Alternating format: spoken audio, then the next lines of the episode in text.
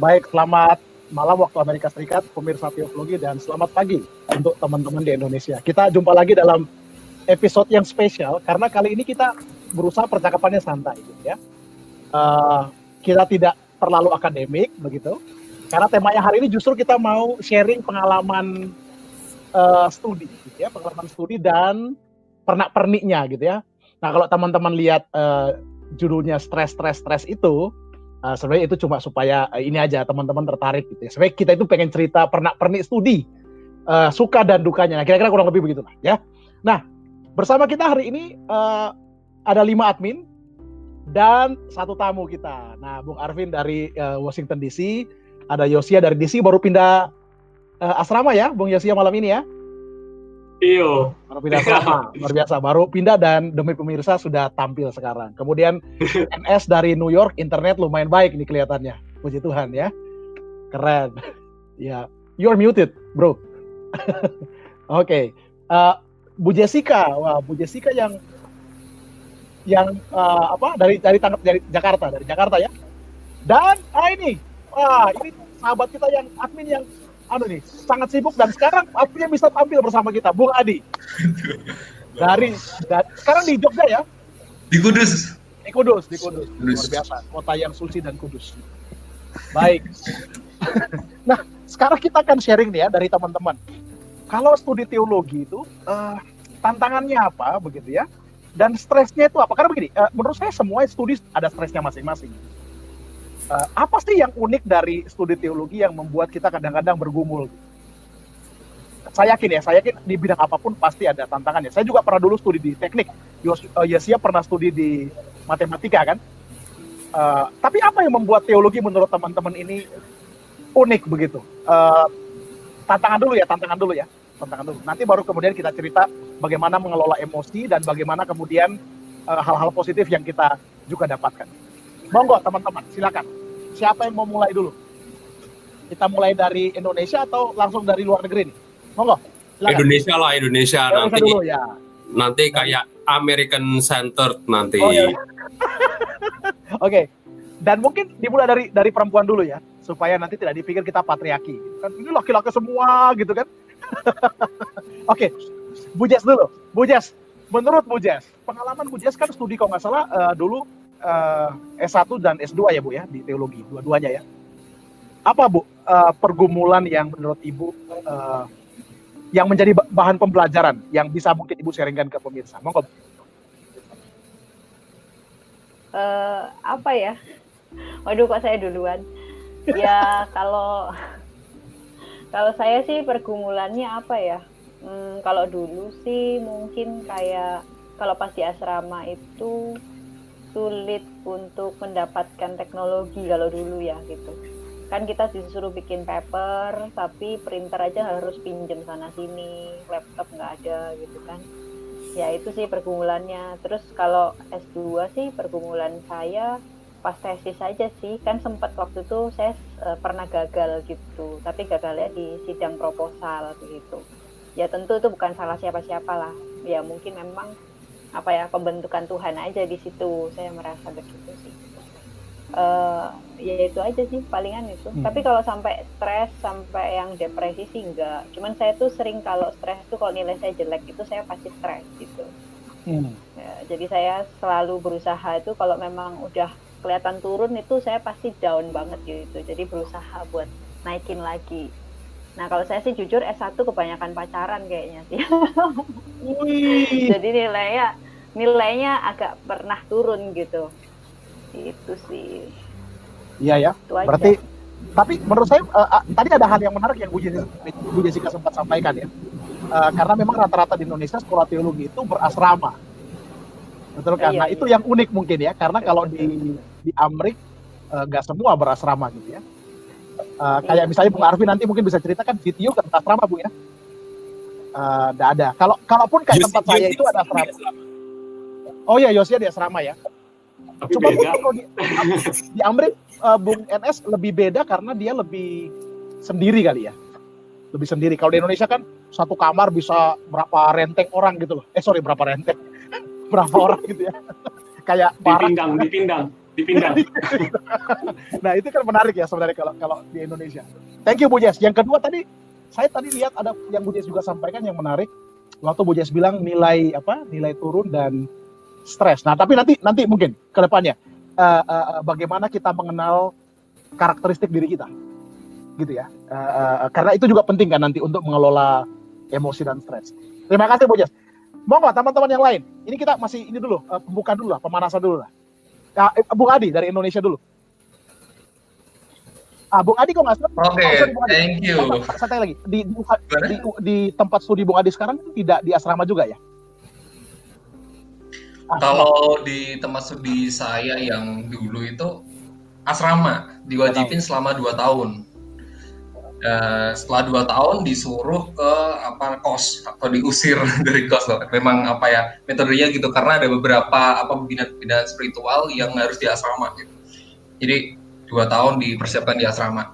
Ya kalau mungkin apa ya uh, stres sanitasi emosi banyak ya. Dari hal-hal teknis sampai hal esensial. Kalau hal-hal teknis tuh yang ada di asrama mungkin ya. Jadi kalau di asrama itu nggak ada me time gitu. Tembok aja tuh bisa jadi transparan di asrama itu. Kayaknya ya, kok relate. Kamar tuh langsung tiga orang. Gimana? Kayaknya kok relate dengan pengalaman tembok-tembok ya Bang Yos iya kalau masuk di, di ruang itu kan dilihat sama teman-teman dan kayak nggak ada meeting dan ketika nggak ada meeting itu suasana belajar ini kayak begitu nah itu goncangan teknisnya Terus apa ya kalau goncangan esensialnya itu malah banyak ya karena uh, siapa pun yang belajar teologi itu kan uh, saya pikir nggak cuma belajar hanya teologi doang kan ada interdisipliner ilmu lain historis kritis sosiologi betul. antropologi betul sekali, betul sekali. dan ada bahkan ada apa namanya uh, pembahasan buku-buku sejarah ya saya teringat ketika saya masih semester 3 4 baca buku Dominic Rosan itu Iya, aku baca itu mas itu. Dan uh, beberapa, beberapa hal yang saya baca itu ini apa namanya uh, masih bisa saya terima sampai pada satu bab yang menyatakan bahwa uh, sulit membayangkan aja demi ini Rosan ngomong sulit membayangkan Yesus ini apa namanya mayatnya itu bisa sampai ke kuburannya yang sekarang gitu karena dari Golgota ke kuburan yang diceritakan itu sangat jauh. Ada kemungkinan kalau dia itu di mayatnya dimakan sama serigala dan gagak-gagak.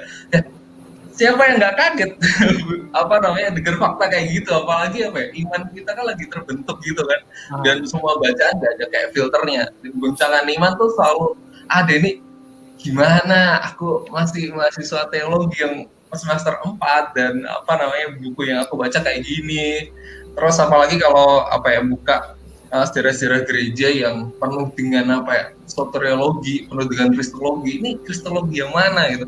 Uh, teman-teman mungkin perlu tahu juga saya ada dalam gereja yang berlatar belakang injili.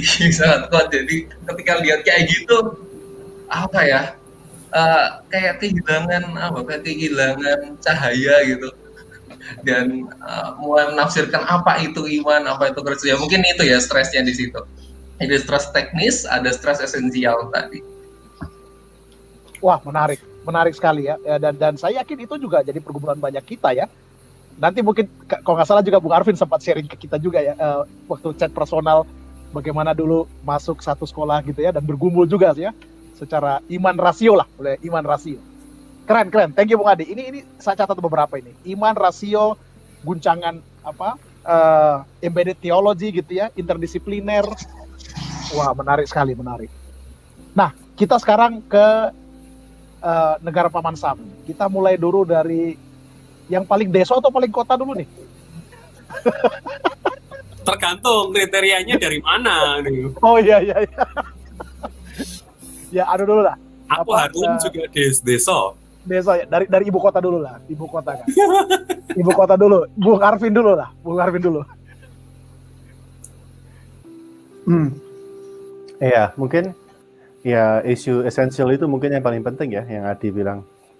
Maksudnya kadang masuk program seminar itu kan kita nggak tahu programnya itu seperti apa kalau akademis kan langsung ya dijeblosin aja gitu kan. Semua diajarin semua, terserah imanmu apa terserah profesornya nggak ngasih tahu. jalan keluarnya gimana gitu kan. Malahan dia nggak boleh ngasih tahu, boleh dibilang gitu kan. Nah, kalau misalnya programnya program lebih yang pembentukan, ya itu dikasih tahu pasti jalan keluarnya gimana, ajaran denominasinya bagaimana gitu. Ah. Ya, itu itu itu mungkin orang yang nggak tahu masuk seminari nggak ya, ya susah tahunya sih mesti ngomong dulu ya. Maksudnya ini programnya MA atau MDiv agak kayak gitu kan. Ya, saya pikir Bung Arvin uh, ini ini ini mungkin penting juga untuk untuk kita dan pemirsa ya. Memilih sekolah. Betul ya Bung Arvin ya, karena sekolah yang belajar teologi itu pun beda-beda ya Bung Arvin ya. Ya. Ada sekolah yang fokusnya pembentukan rohaniwan gereja. Ya. Nah, itu namanya seminari gitu ya. Dan ya. ada sekolah yang memang fokusnya pembentukan scholars. Nah, uh, dan dan itu pun ada beda-beda juga kan. Jadi uh, saya pikir ini ini menarik dari Bung Arvin ya. Karena jangan sampai nanti begitu kita masuk walaupun kita wah dari luar namanya besar gitu ya. Begitu masuk, wah kaget gitu kan. Wah, ini apa nih diajarin nih kan. Atau sebaliknya kita mau jadi scholar gitu ya. Kita masuk ke sekolah yang mengajarkan untuk jadi apa eh, gembala atau hamba Tuhan gitu ya, atau di gereja ya pastorate gitu kaget juga kan wah hmm. ini nah kecewalah kepada eh, ini ya kepada institusi dan sebagainya. Thank you, Bung Arvin. Anda pointing out hal yang saya pikir penting ini menjadi pembelajaran. Uh, dan saya yakin ya banyak pemirsa juga atau atau kita juga dulu mungkin ya stres juga kan karena nggak sesuai dengan ekspektasi ya antara harapan dengan apa itu kenyataan gitu ya cinta tak bersambut ah kira-kira gitu. yeah. sekarang, sekarang lanjut ke ibu kota eh, ke Bung Yosia juga di DC? Uh, eh, karena latar belakang saya kan sebelumnya dari uh, ini ya sekolah sains ya, nah, ini kan matematika, lalu kan masuk ke seminari. Nah kalau saya pikir sih lebih ke cara hidup ya, kehidupannya yang membuat saya stres kali. Jadi satu sisi yang pertama uh, kan aku saya sendiri orangnya kan cuek begitu. Jadi dulu waktu di di sekolah sebelum masuk seminari itu kan rambutnya gondrong gitu. Terus ya urakan, pakai sendal, gombrang celananya gitu. Dan memang ternyata kalau di matematika dulu pada cuek-cuek semua. Kan dosen-dosennya juga nggak terlalu peduli ya. Yang penting kan kita selesain aja. Yang penting kamu bukti bisa ngebuktiin misalnya kan teorema-teorema atau apa ya selama itu ya cuek kerjaan selesai ya udah nah tapi kalau uh, jadi mau agak ansos juga sambil ya cuek-cuek nggak masalah kan selama yang penting kerjaan beres gitu itu hmm. itu latar belakang saya waktu di matematika dulu kan gitu ya, ya, ya. jadi waktu itu lucu ada kontras kan Nah waktu itu ada anak industri, waktu itu di ITB itu masih industri sama yang matematikanya satu gedung, tapi kayak beda beda ini kayak kayak setengah gitu loh. Satu buat yang matematika, satu yang industri kan. Nah yang industri itu necis-necis rata-rata gitu, tapi yang matematikanya hancur lebur, kayak beda gitu rata-rata. Wah itu bisa dibedakan kering sama basah kan gitu. Iya karena madesu kan madesu madesu kan kalau matematika.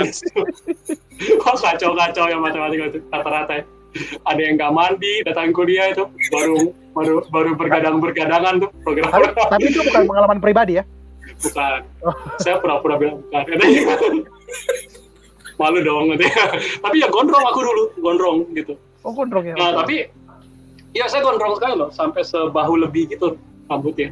Jadi yang lucu tuh baru mau masuk seminari kan. Nah masuk seminari kan saya pikir kan tadinya ya belajar teologi gitu ya. Saya pikir oh ya bisa cuek-cuek. Ternyata enggak, jadi harus cukur nah. rambut gitu.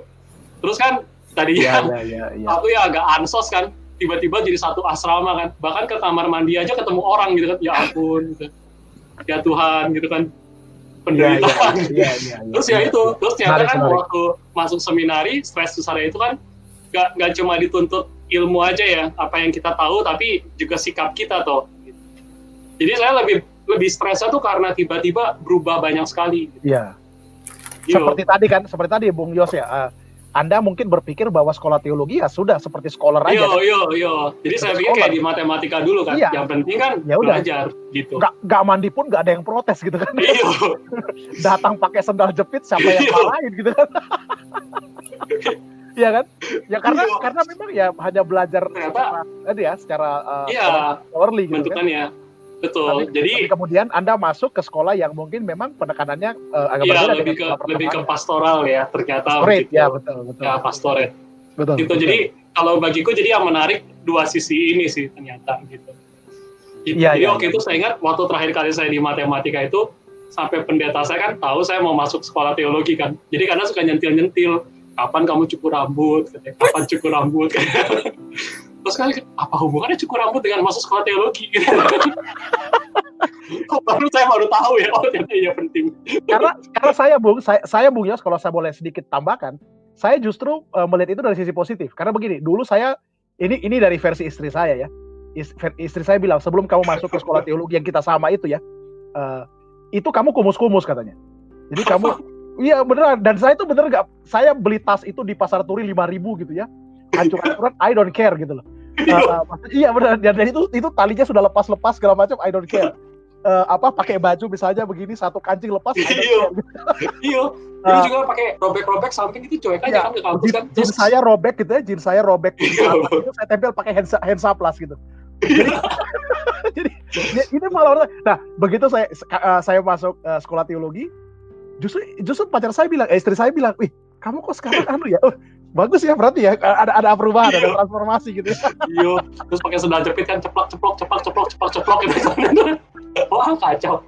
Thank you, thank you, Bias. Uh, saya pikir ini penting, ini penting ya. Jadi ada ada posisi sisi yang perlu Iya, dilihat. gitu. Ekstrim ternyata gitu. Betul betul. Thank you, thank you, Bogas. Oke, kita sekarang ke daerah daerah ut- utaranya di sini. Eh, Bung Tunggu, tunggu, tunggu. Ah, Bung Ah. Yos tadi masih cerita yang di Indonesia loh, Bung. Belum yang ke Oh, iya, belum yang di Amrik. Iyo. Nah, di Amrik sekarang di Amrik sekarang ma- Oh. mandi nggak? Ini mandi nggak?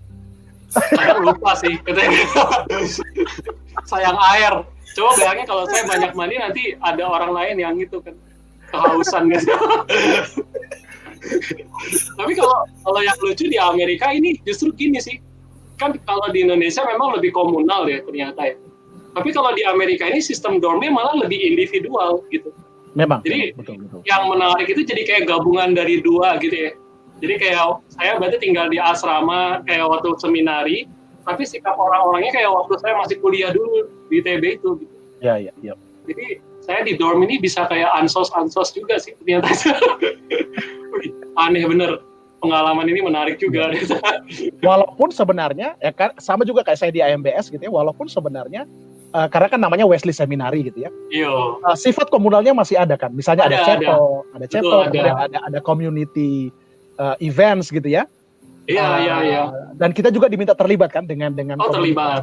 Ah, betul. Tapi ya jadinya lebih sifatnya lebih apa ya? Jadi lebih kayak ya selama kita ada kerjaan ya udah itu berarti kan komunalnya pasti situ aja. ya, ya, betul. Tapi selepas dari itu ya terserah mau ngapain. Ya. Ya, ya. Thank you, thank you, Iya. Bios. Oke. Sekarang NS, NS nih dari dari New York. Monggo. Kan Oke. Anda juga sekolah kalau nggak salah tiga kali di sekolah teologi ya dari S1. Heeh. Nah, bedanya uh, saya dengan uh, rekan-rekan yang lain, Bung Yos, Bung Perdian, dan juga Bung Arvin, uh, saya mungkin lebih relate kepada Bu Jess dengan uh, SAW ya, karena saya langsung dari SMA itu langsung uh, ambil Ya. teologi.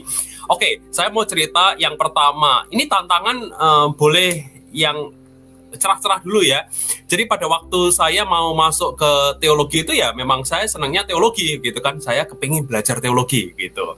Jadi eh, konon kabarnya udah lumayan lah gitu kan amunisinya begitu.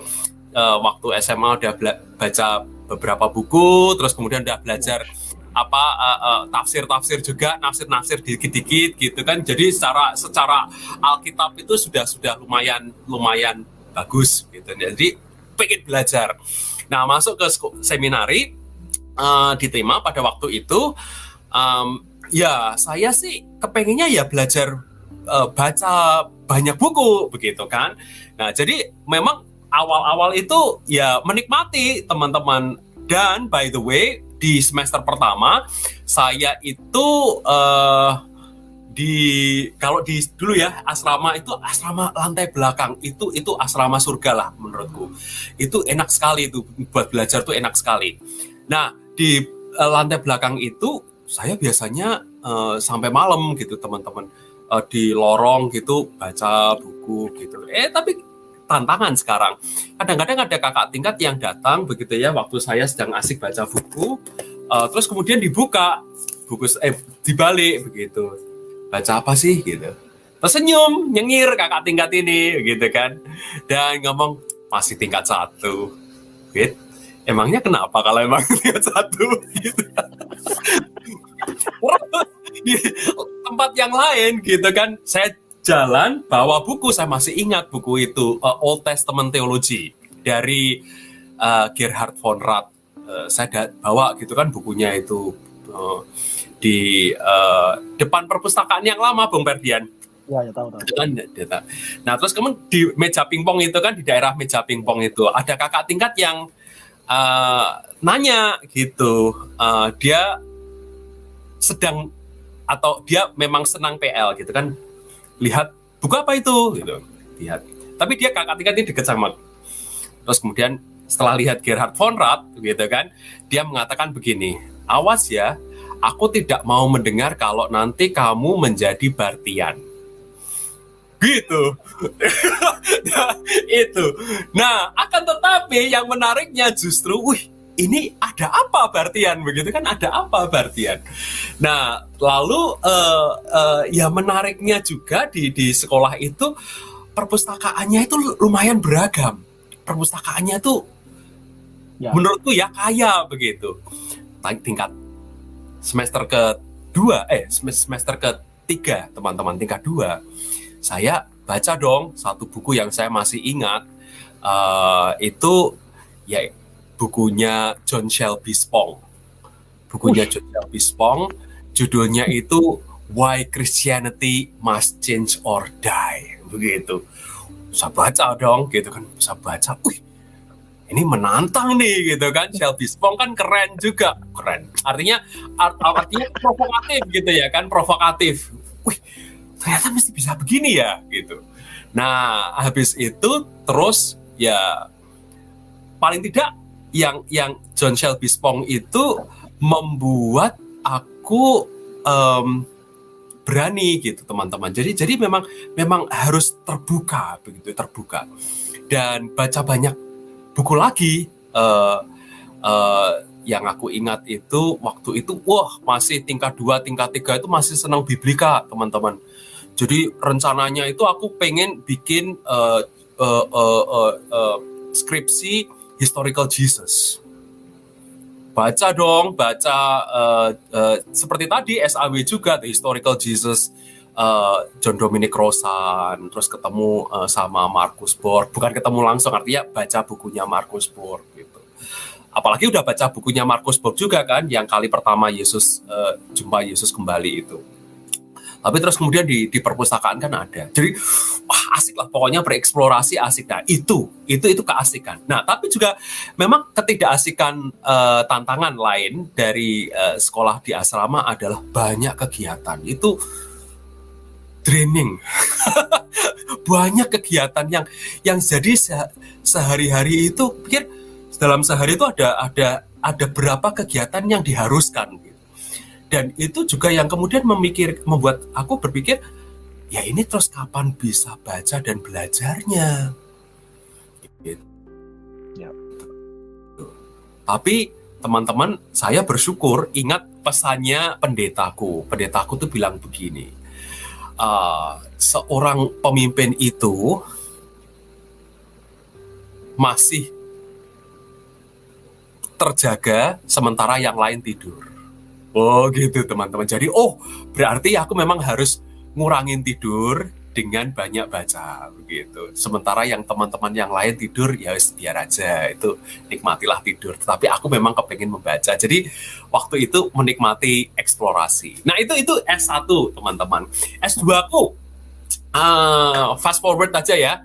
Waktu uh, tahun 2013 itu masuk uh, terus dengan langkah luar biasa gitu kan keterima dan sebagainya waktu itu di kota Seattle di pantai barat uh, Amerika Serikat keterima gitu nah terus masuklah teman-teman waktu kelas pertama yang menjadi tantangan adalah bahasa Inggris. Nah, saya pernah menulis ini di Our Secret Stories itu ya, teman-teman yang menyaksikan ini bisa bisa melihat uh, buku tersebut Our Secret Stories. Bahasa Inggris ternyata yang aku dulu pikir aku tuh bisa bahasa Inggris itu Bo, bahasa Inggrisku ternyata jelek ya gitu. Jadi frustrasi itu, itu. Waktu itu frustrasinya udah um, tiga minggu. Tiga minggu itu aku frustrasi teman-teman.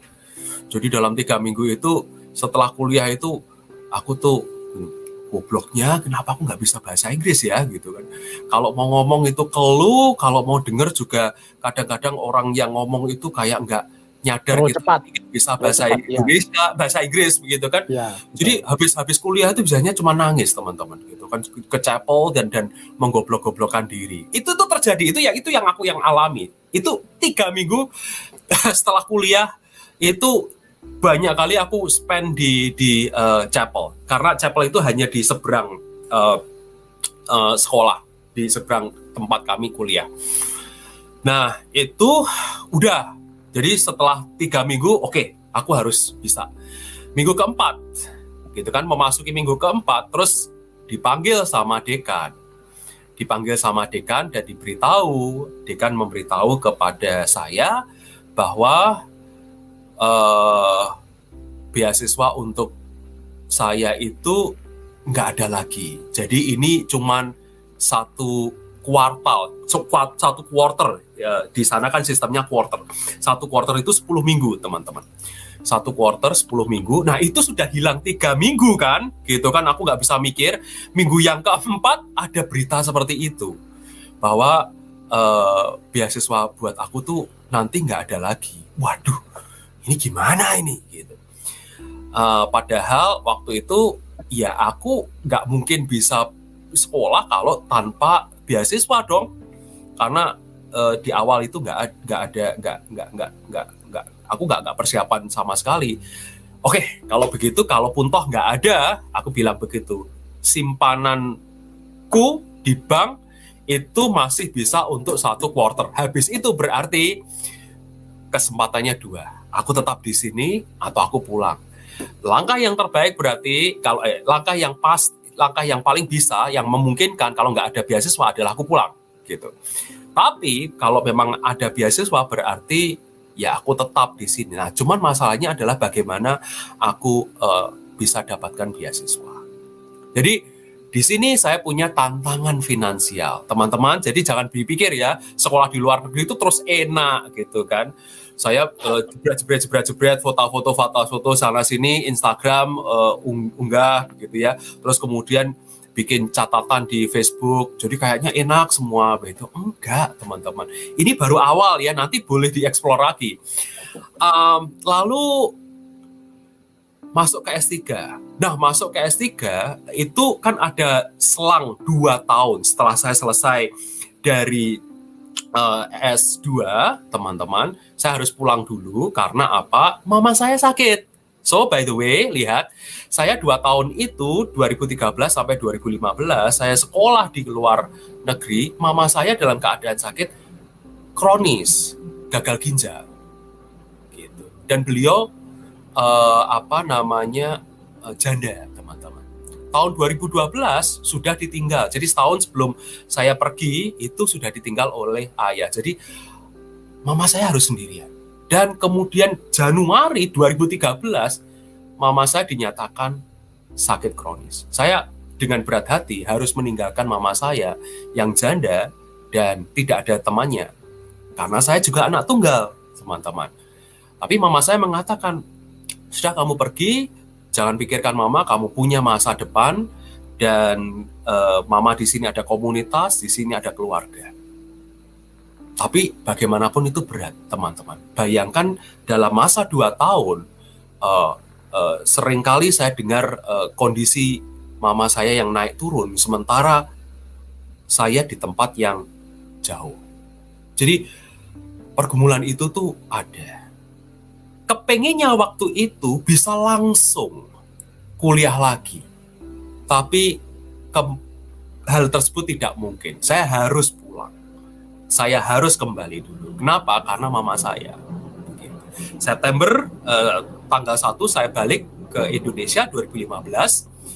Uh, fast forward Oktober uh, 25 Oktober mama saya dipanggil oleh Tuhan. Jadi mulai 25 uh, Oktober saya menjadi anak yatim piatu. Dan totally uh, kalau mau dibilang saya nggak uh, punya siapa-siapa dalam arti keluarga dekat itu tantangan saya teman-teman. Uh, terus kemudian dua tahun saya mengajar di SDT Jakarta dan uh, terus mendapatkan placement di di, di Fordham uh, dan ada beberapa tempat yang lain, tetapi saya memilih Fordham karena harus saya akui saya suka kota besar begitu. Dengan segala tantangannya dan konsekuensinya saya tahu begitu. Karena S2 saya juga di Seattle. Dan by the way teman-teman tantangan di sekolah di, di kota besar dengan tantangan di kota kecil itu berbeda sangat-sangat berbeda. Buat orang yang yang memang menyukai uh, uh, apa namanya suasana tenang mungkin kota New York itu super crazy uh, tetapi saya memilih untuk untuk ke ke sini dan dengan segala risikonya tentu saja, dengan segala konsekuensinya. Masuk ke sini kembali teman-teman ternyata dua tahun nggak pakai bahasa Inggris itu stres juga gitu. Jadi harus beradaptasi dengan bahasa Inggris kembali. Dan itu kelihatan ketika saya ngomong, kelihatan ekspresinya orang lain nggak ngerti apa yang saya omongkan. Jadi saya, saya masih gradul-gradul gitu kan harus harus orientasi lagi. Dan juga ketika saya mendengar kembali apa yang mereka katakan, ngerti, tapi untuk merespons kadang-kadang berat sekali. Nah itu yang pertama. Lalu eh, dua tahun yang saya jalani di Fordham, sekali lagi itu bukan masa-masa yang mudah karena ada kewajiban sebagai mahasiswa uh, harus menjadi TA, harus menjadi uh, graduate assistant, dan harus mengambil mata kuliah bahasa. Jadi pada waktu eh, semester kedua saya masih ingat saya itu praktis duduk di lima kelas teman-teman. Gitu, tiga kelas yang reguler, dua kelas itu satu TE dan satu lagi uh, uh, kelas bahasa. Dan satu semester mengambil lima kelas di sini itu luar biasa capeknya. Begitu. Nah, itu tantangan-tantangan pada waktu saya coursework, teman-teman. Tantangan yang selanjutnya yaitu tahun ketiga saya harus mengajar. Itu stresnya juga luar biasa sekali lagi mengingat bahwa bahasa Inggris bukan bahasa saya. Luar biasa saya itu stres selama enam bulan. Itu itu itu itu stresnya eh, eh, kerasa banget. Um, tetapi ya ini harus dijalani gitu. Karena ini ini ini ini ini keputusan saya. Saya sudah ke sini ya saya harus menjalaninya. Um, dan akhirnya semester yang pertama mengajar itu baik. Oke berjalan dengan baik. Lalu uh, semester kedua sudah punya kepedean dong. Sudah punya kepedean spring yang lalu. Spring yang lalu itu. Sudah punya PD ngajar kelas. Dan menyenangkan sekali. Saya senang kelas ini karena kelas ini tuh aktif banget gitu Maret ada pandemi. Sekolah lockdown. Dari in-person meeting menjadi virtual meeting. Wah, itu harus penyesuaiannya luar biasa dan stresnya luar biasa, teman-teman. Untuk ngajar uh, virtual meeting itu, itu kayak energinya itu dua kali, tiga kali habis. Habis habis ngajar itu pokoknya saya langsung tidur. Capeknya luar biasa Nah sekali lagi ini ini tantangan-tantangan gitu ya. Jadi jangan dipikir bahwa sekolah uh, yang dilakukan oleh kami-kami ini itu nggak ada tantangannya. Itu dari saya, Bung Ferdian. Iya ya. Dan dan saya mau highlight beberapa hal penting dari uh, Bung NS ya uh, soal pergumulan eksistensial gitu. Uh, saya pikir itu penting di highlight ya bahwa jangan berpikir bahwa yang keluar negeri ini enak gitu. ya nantilah saya juga cerita dengan yang, yang saya ya. Uh, uh, saya suka tadi NS waktu menekankan bahwa ini keputusan saya dan saya tahu konsekuensinya. Gitu ya. Nah, teman-teman saya pikir pemirsa ini yang penting. Tatkala teman-teman pemirsa misalnya berpikir mau ke studi di mana pun, saya pikir di mana pun ya, di Indonesia, di luar negeri, di sekolah apa pun, Nah, seperti tadi juga Bung Arvin sudah tegaskan uh, dan dan Yos tadi uh, Adi juga sudah tegaskan ada perbedaan sekolah misalnya karakteristik. Begitu Anda pilih tempat itu, apa pun tempatnya, nah sadarlah dengan konsekuensi. Gitu. Karena ya pilihan itu pasti ada konsekuensi gitu. Betul kan? Nah, nah, nah, nah, nah ke, uh, kesehatan mental kita dan dan dan, dan apa ya sanity kita, nah itu sangat-sangat bergantung di saya pikir yang Bung Enes katakan tadi kesadaran bahwa ya memang saya sudah buat decision gitu loh. Jadi saya tidak menyalahkan siapa-siapa ya ini decision saya gitu. Saya Mas, sekarang ya. Ngomong-ngomong tadi waktu ya, Mas lihat temennya nggak ngerti itu ya, Mas nggak ngomong ojo ngono tuh gitu. Karena nggak ngerti kan. Kadang-kadang kadang-kadang yang keluar itu bahasa Indonesia bahkan bahasa Jawa. Loh, gitu. Sama. Saya pernah ke grocery dengan teman orang Ethiopia itu ya. Terus kami cerita asik, hangat gitu ya. Terus tiba-tiba ini kan mau bayar kan. Terus tak bilang sama dia, maksud saya itu tolong saya pakai bahasa Indonesia. Ya tolong ambilkan dong. What you say? What did you say? Dan itu beberapa kali. Saya ngomong dengan prof saya gitu ya di di di di, di kantor dia gitu saking asiknya dan dia bener-bener pencerahan gitu ya wah bener sekali apa itu Ferdian tadi oh sorry prof ini masih Indonesia ya jadi jadi uh, saya pikir itu itu itu penting ya yang yang tadi NS kata tegaskan. Nah kalau kalau saya pribadi sih uh, saya pikir tadi sudah di cover semua ya. Uh, karena saya juga punya sekolah yang beririsan dengan beberapa teman. Saya pikir sama lah ya. Uh, sekolah pertama saya sih bukan teologi. Saya pikir saya nggak mau cerita itu. Cuma kalau sekolah teologi bersama saya yang sama dengan NS dan uh, Yosia, saya pikir sama juga ya. Uh, soal komunal ya, kehidupan komunal yang uh, pasti juga tidak gampang gitu ya. Uh, perlu adaptasi, perlu penyesuaian dan sebagainya. Uh, kalau kalau saya sih mungkin saya mau highlight yang yang pengalaman saya di AMBS kemarin gitu, karena uh, ya, saya pikir betul NS tadi. Saya juga mengalami pergumulan um, soal beasiswa waktu itu. Jadi saya dapat beasiswa dari satu lembaga di ya, bukan di AMBS, tapi lambat lambat bayarnya gitu jadi uh, bahkan saya tuh ingat ya saya sampai telepon NS itu bolak-balik gitu kan karena saya stres gitu saya stres sekali gitu. Karena saya sudah dikontak sama bagian finansial gitu. Ferdian ini uangnya mana nih? Waduh. Nah kita kan uh, yang yang kita nggak punya siapa-siapa di sini gitu ya kita meminta tolong ke siapa itu akhirnya saya kalut gitu. Saya kalut saya email ke ke mereka gitu ke lembaga itu. Sampai kalau nggak salah itu ada se uh, seminggu itu saya email mungkin sehari bisa dua tiga kali gitu. And I don't care. Saya cuma ingat yang itu apa perumpamaan tentang janda yang meminta kepada hakim yang tidak adil gitu. Ya sudah saya sudah nggak peduli, peduli. Akhirnya dijawab gitu akhirnya dijawab. Uh, kemudian kedua kalau saya sih uh, pergumulan keluarga ya karena saya tidak datang dengan keluarga saya waktu di AMBS saya punya kesempatan pulang summer tahun lalu gitu ya. Uh, sebulan lah saya di Indonesia. Dan waktu lanjut di Villanova ini sebenarnya pengen bareng gitu dan dan Villanova sudah sudah siap dengan I-20 mereka gitu. Dan tiba-tiba pandemik datang. Uh, tiket saya yang sebenarnya untuk pulang Mei 19 itu dibatalkan uh, sepihak gitu ya.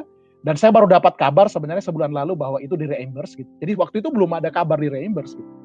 Uh, saya bingung gitu dan uh, mungkin teman-teman di Amerika tahu ya begitu begitu kita selesai studi gitu uh, visa kita kan sebenarnya itu sudah practically itu expired kan, expired sebenarnya. Jadi saya selesai Mei begitu ya, tanggal 2 gitu sebenarnya itu sudah expired gitu. Dan dan dan kalau nggak salah kita dikasih waktu sebulan atau dua bulan ya untuk meninggalkan uh, Amerika gitu kan. Nah itu itu kemudian teman-teman yang saya melihat placement saya di Villanova itu bagian dari Nah, kalau saya boleh pakai istilah spiritual gitu ya, itu bukan cuma karena apa bukan karena saya pinter lah, enggak, enggak, enggak sama sekali enggak ada enggak ada enggak ada istimewanya. Saya cuma melihat itu bagian dari uh, providensia Tuhan gitu. Kalau enggak ada itu saya enggak tahu saya di Amerika mau kayak apa gitu. Maksudnya dengan dengan tiket dibatalin gitu ya, dengan pandemi, dengan dengan saya nggak punya uang gitu, dengan dengan doku, saya jadi undocumented uh, illegal uh, immigrant di sini gitu. Uh, praktis itu setelah studi di MBS selesai gitu. Uh, dan saya sampai minta izin ke saya minta izin ke uh, vice president AMBS yang bagian finansial gitu. Saya sampai email dia, boleh nggak uh, Pak saya uh, kerja lagi sebulan gitu. Karena saya nggak punya duit gitu. Saya saya nggak punya duit. Uh, ikut summer crew gitu. Summer crew itu teman-teman bukan kerjaan enak gitu ya. Itu uh, pasang atap gitu kan. Uh, bukan cuma bersihin WC gitu. Kalau kalau saya dulu di, di sekolah kita yang pertama kan cuma bersihin WC gitu ya. Ini pasang atap, kemudian weeding, uh, diterik matahari 32 derajat Celcius gitu kan, terus kemudian bersih-bersih selokan. Waduh itu itu capek. Sehari 8 7 sampai 8 jam gitu. Uh, demi untuk hidup gitu.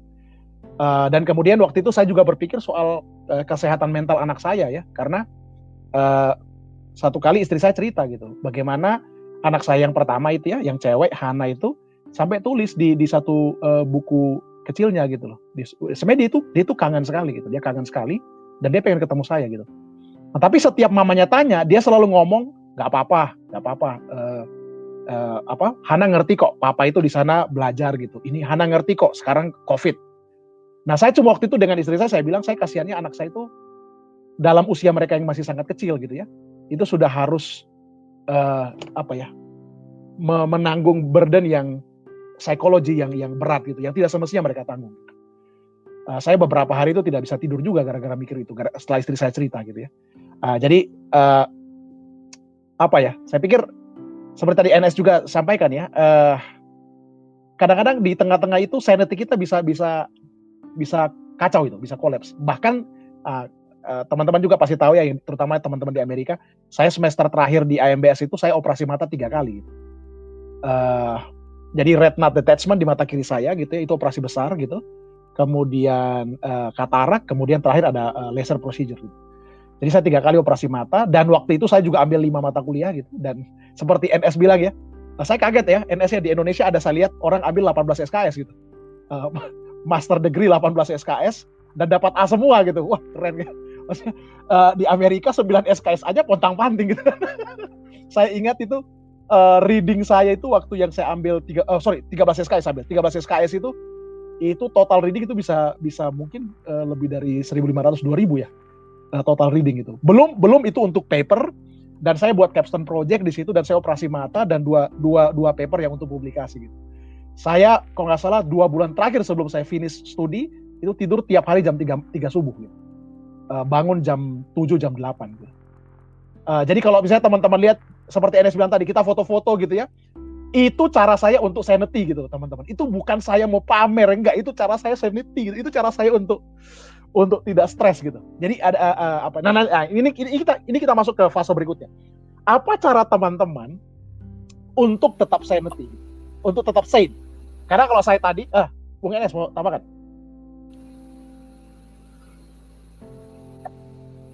Eh, kalau kalau boleh uh, sebelum itu, Bung, uh, apakah di antara kita, ya, apakah di antara kita mau ada yang sharing pernah tidak mengalami, ya, uh, gangguan kesehatan mental gitu? Karena saya pernah, gitu kan, uh, dengan dengan misalnya uh, ada hal-hal pergumulan yang berat.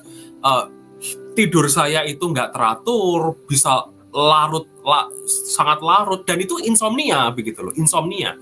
Uh, dan dan itu tuh itu saya tahu ini ini ini sesuatu yang salah begitu. Ini ada sesuatu yang salah yang yang yang membuat saya depresi. Uh, terus uh, apalagi uh, waktu itu juga uh, ya bangun nggak nggak teratur, tidur nggak teratur, bangun nggak teratur, terus kemudian cemas sekali nggak tahu apa yang di yang dicemaskan tetapi ada ada kecemasan yang yang luar biasa sehingga paralyzed gitu. Jadi ada masa-masa yang yang saya alami seperti itu teman-teman. Uh, lalu makan nggak nggak teratur gitu kan. Uh, uh, terus juga nggak nggak bisa ngapa-ngapain baca juga nggak masuk. Dan ada masa-masa yang memang jenuh sekali Nah itu khususnya, khususnya ya tadi ya karena karena misalnya ya saya saya tunjukkan tadi uh, dua tahun coursework itu semester yang keempat saya lelah sekali teman-teman, itu lelah sekali, capeknya luar biasa. Karena di semester yang keempat itu juga bukan bukan bukan lima, oh masih lima, lima, lima, lima mata kuliah, tiga mata kuliah yang reguler, satu teaching theology, untuk persiapan ngajar dan yang satunya lagi itu uh, TA uh, teaching assistant begitu lima mata kuliah dan di akhir itu teman-teman capeknya luar biasa dan itu dampaknya adalah saya nggak bisa ngapa-ngapain selama uh, semester itu berakhir dan sampai summer itu saya maunya udah saya nggak mau uh, ngerjain apa-apa. Saya nggak mau pegang buku. Sampai hampir persiapan untuk uh, mengajar kembali itu saya nggak mau uh, membuat tertekan diri saya dengan membaca buku. Nah itu yang saya alami. Teman-teman gimana? Kalau mau sharing, feel free. Saya kalau saya, saya, saya tadi saya bilang saya, saya tidur jam 3 itu ya. Saya bangun jam jam 7 itu itu tiap hari.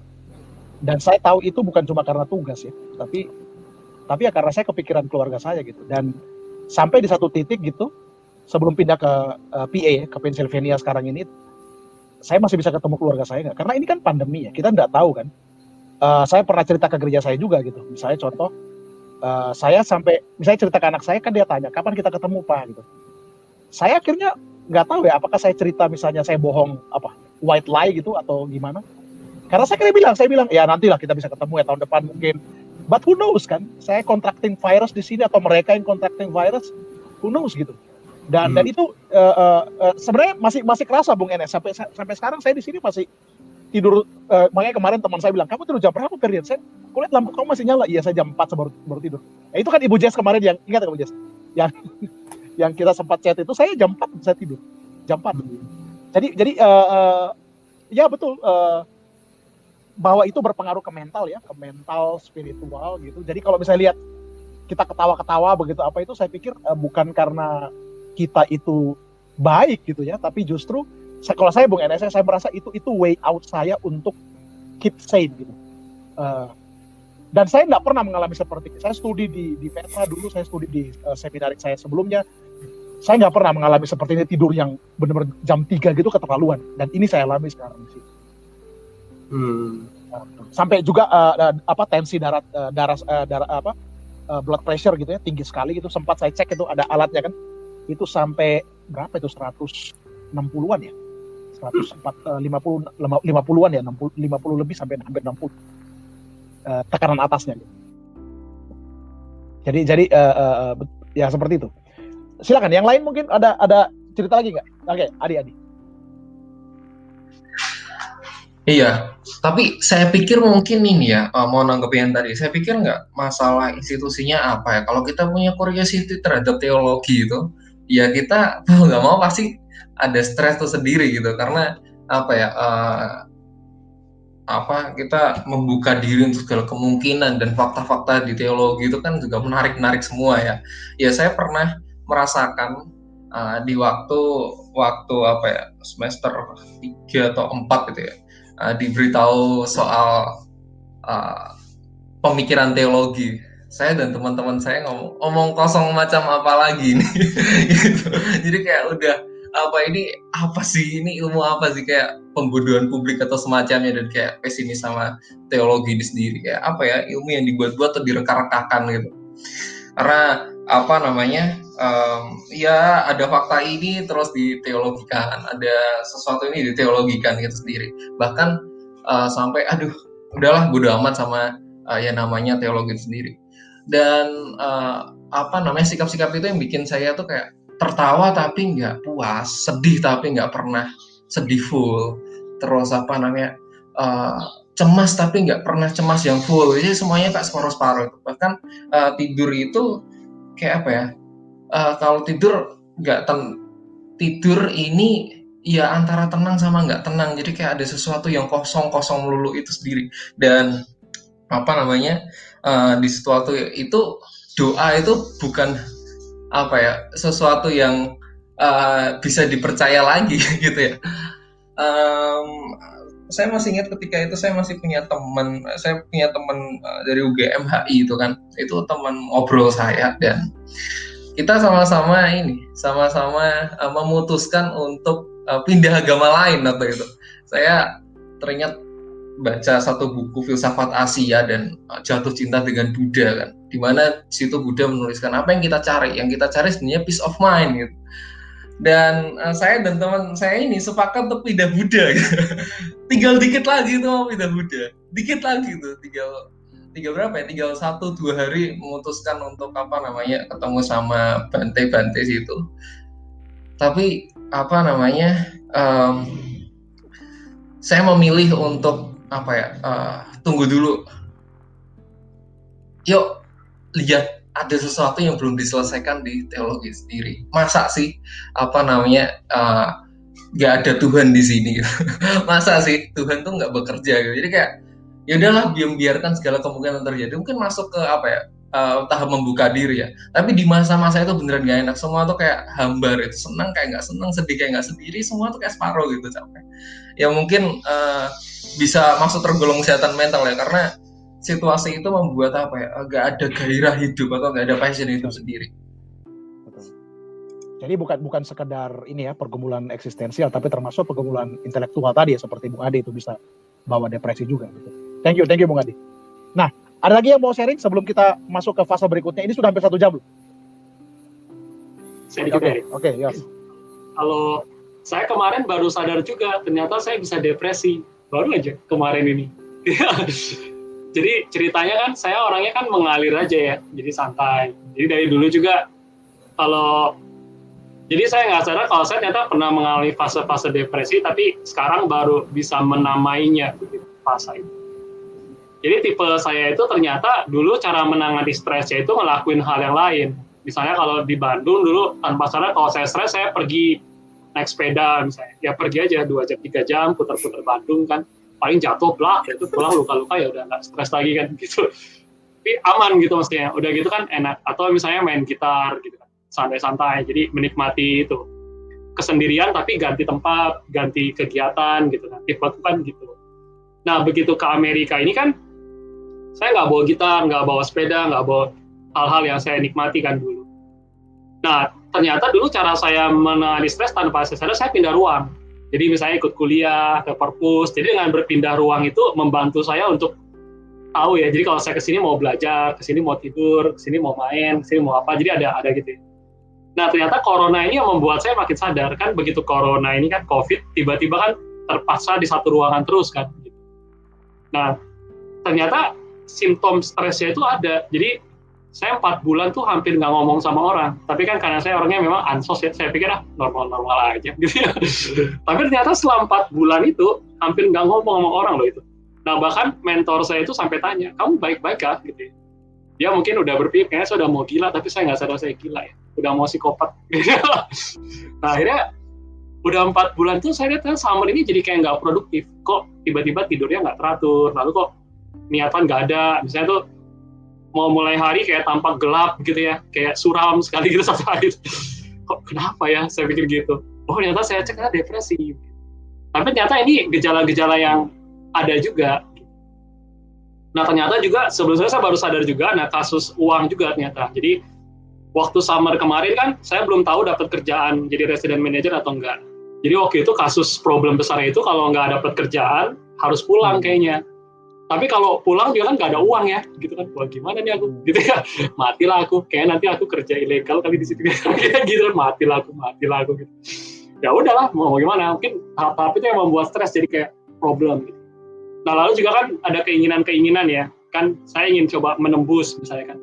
Pengen coba bikin artikel jurnal. Eh ternyata rasanya bahasa Inggrisnya kayak kurang begitu. Jadi kayak problematik. Nah terus tambah lagi misalnya saya kan tipenya kan ternyata senang berpikir dialektika kan saya buat paper hari ini, besok kalau saya baca lagi, saya bakal kritik tulisan saya, jadinya nggak pernah selesai-selesai gitu. Kritiknya nggak selesai kan. Jadi kalau sekarang bikin ini, besok paragrafnya bisa berubah. Wah itu jadi kayak numpuk semua tuh gitu. Wah akhirnya stres. Nah ternyata baru sadar juga kemarin-kemarin ini. Kira-kira gitu sih. Hmm, hmm, betul, betul, Masih. betul. Thank you, thank you, Yos. Thank you. Dan eh, itu, numpuk. Iya, uh -huh. betul. Dan, dan, dan saya pikir itu penting ya. Tadi yang Yosia bilang, naming itu. Naming itu penting. Karena biasanya itu apalagi kalau kita namanya studi teologi calon pendeta gitu ya. Calon pendeta hamba Tuhan pemimpin umat uh, mengakui bahwa kita itu lemah itu hal yang tabu ya. Hal yang dianggap uh, uh, apa? Kayak saya, saya ingat saya kemarin saya ke Chicago ketemu satu teman gitu ya. Uh, waktu saya cerita begini uh, saya sudah telepon NS saya cerita ini saya cerita kan wah ini bergumul nih semester ini apa? Dia, saya kaget teman ini bilang loh Bang Perdian bergumul juga ya? Loh ya iya loh saya pikir bang Ferdian belajar aja gitu. Kayak gak ada masalah. Waduh aku cerita lah sama dia gitu kan. Enak aja aku bilang lu gitu. Gue ini bener gue hampir mati kemarin. Mata operasi berapa kali gitu kan. Nah, saya pikir apa yang Yosia bilang itu penting sekali ya. Kita naming naming the problem gitu ya dan dan tidak takut untuk kemudian uh, mencari sahabat gitu ya untuk untuk untuk share gitu. Lagi-lagi ya, kultur kita kan kultur apa ya? pemimpin gitu ya. Waduh, dan, kalau dan shame, dan shame untuk mengakui ya. mengakui bahwa kita itu punya masalah itu kayaknya susah iya. sekali. Ya. Sehingga uh, tadi ya dari anxiety. Yang yang saya juga terima kasih Bung Bung Yosia menamainya. Uh, dari dari dari anxiety itu kan nggak ngerti ini, ini ini apa sih yang sebenarnya yang saya masalahi gitu kan. Tapi ketika saya mulai mengurai, oke okay, saya saya tahu ini. Ini misalnya misalnya misalnya ya ini saya lagi lagi lagi uh, uh, butuh duit gitu kan saya bergumul dengan masalah duit. Nah ini oke okay, ini berarti ini problem yang saya hadapi. Mungkin lagi tempat yang lain lagi oh saya sedang jatuh cinta gitu kan jatuh cinta kan bisa bisa jadi ya. masalahnya pelik sekali kan gitu. Oke okay, saya sedang jatuh cinta ini berarti ini nih masalahnya saya isolasi saya namai ini. Lalu apalagi uh, saya itu saya kepingin ini kepingin itu. Apalagi ya. kalau sudah loh kok saya lihat teman saya itu berhasil saya nggak bisa gitu membandingkan misalnya gitu. Tapi paling tidak ketika saya menamai itu berarti saya ngerti apa yang harus saya konfrontasi apa yang harus saya hadapi. Begitu. Itu Bung Ferdian. Ya ya saya pikir itu itu itu thank you Bung Yos. Nah sekarang kita masuk ke fase berikutnya nih. Menurut pengalaman teman-teman tatkala teman-teman berhadapan dengan masa-masa itu apa apa yang teman-teman lakukan untuk menjaga uh, sanity uh, kewarasan jiwa Anda. Ya. Uh, di tengah-tengah berbagai, ya kalau saya, saya tadi sedikit cerita, saya suka fotografi gitu. Jadi fotografi itu bukan mau pamer, bukan. Itu cara saya untuk apa? Untuk mengeluarkan. Jadi saya suka ke taman, suka ke taman. Kalau di Elkhart itu ada satu taman namanya Studebaker. Nah saya suka ke situ. Saya saya sebut mystical park gitu. Karena di situ saya merasa ada nuansa yang tersendiri yang suka take picture di situ. Nah teman-teman, apa yang teman-teman lakukan? Ah Anda ini nggak mau menamai ini Bung, Boleh. Anda nggak mau menamai masalahnya. Anda kan punya Anda kan punya kamera mahal. Mahal loh. ada, apa kamera lama lah. Iya iya iya. Oke oke. Nah kita mulai dari, aduh Adi Adi Adi tadi mau ngomong. Iya, um, apa ya? Banyak hal yang saya lakukan ya di masa-masa itu. Dan kalau diingat tuh lucu juga ya. Uh, saya memutuskan untuk keluar dari sarang saya yaitu asrama. Dan saya nakal-nakal. Ini kalau misal dia dia jam asrama itu punya jam-jam wajib itu saya terabas semua itu. Nggak peduli sama aturan. Dan saya memutuskan untuk apa namanya ikut ke forum-forum besar. Kayak forum juga damai terus forum lintas iman gitu uh, kenapa saya milih itu untuk apa ya, menjaga kewarasan saya dan berrelasi sama orang? Walaupun saya orang introvert ya tapi saya coba membuka diri dengan segala kemungkinannya. Karena kalau apa namanya um, saya ketemu sama orang yang sama ya pasti saya juga kayak gitu gitu. Jadi coba melihat sesuatu diri yang lain. Siapa tahu ketemu harapan.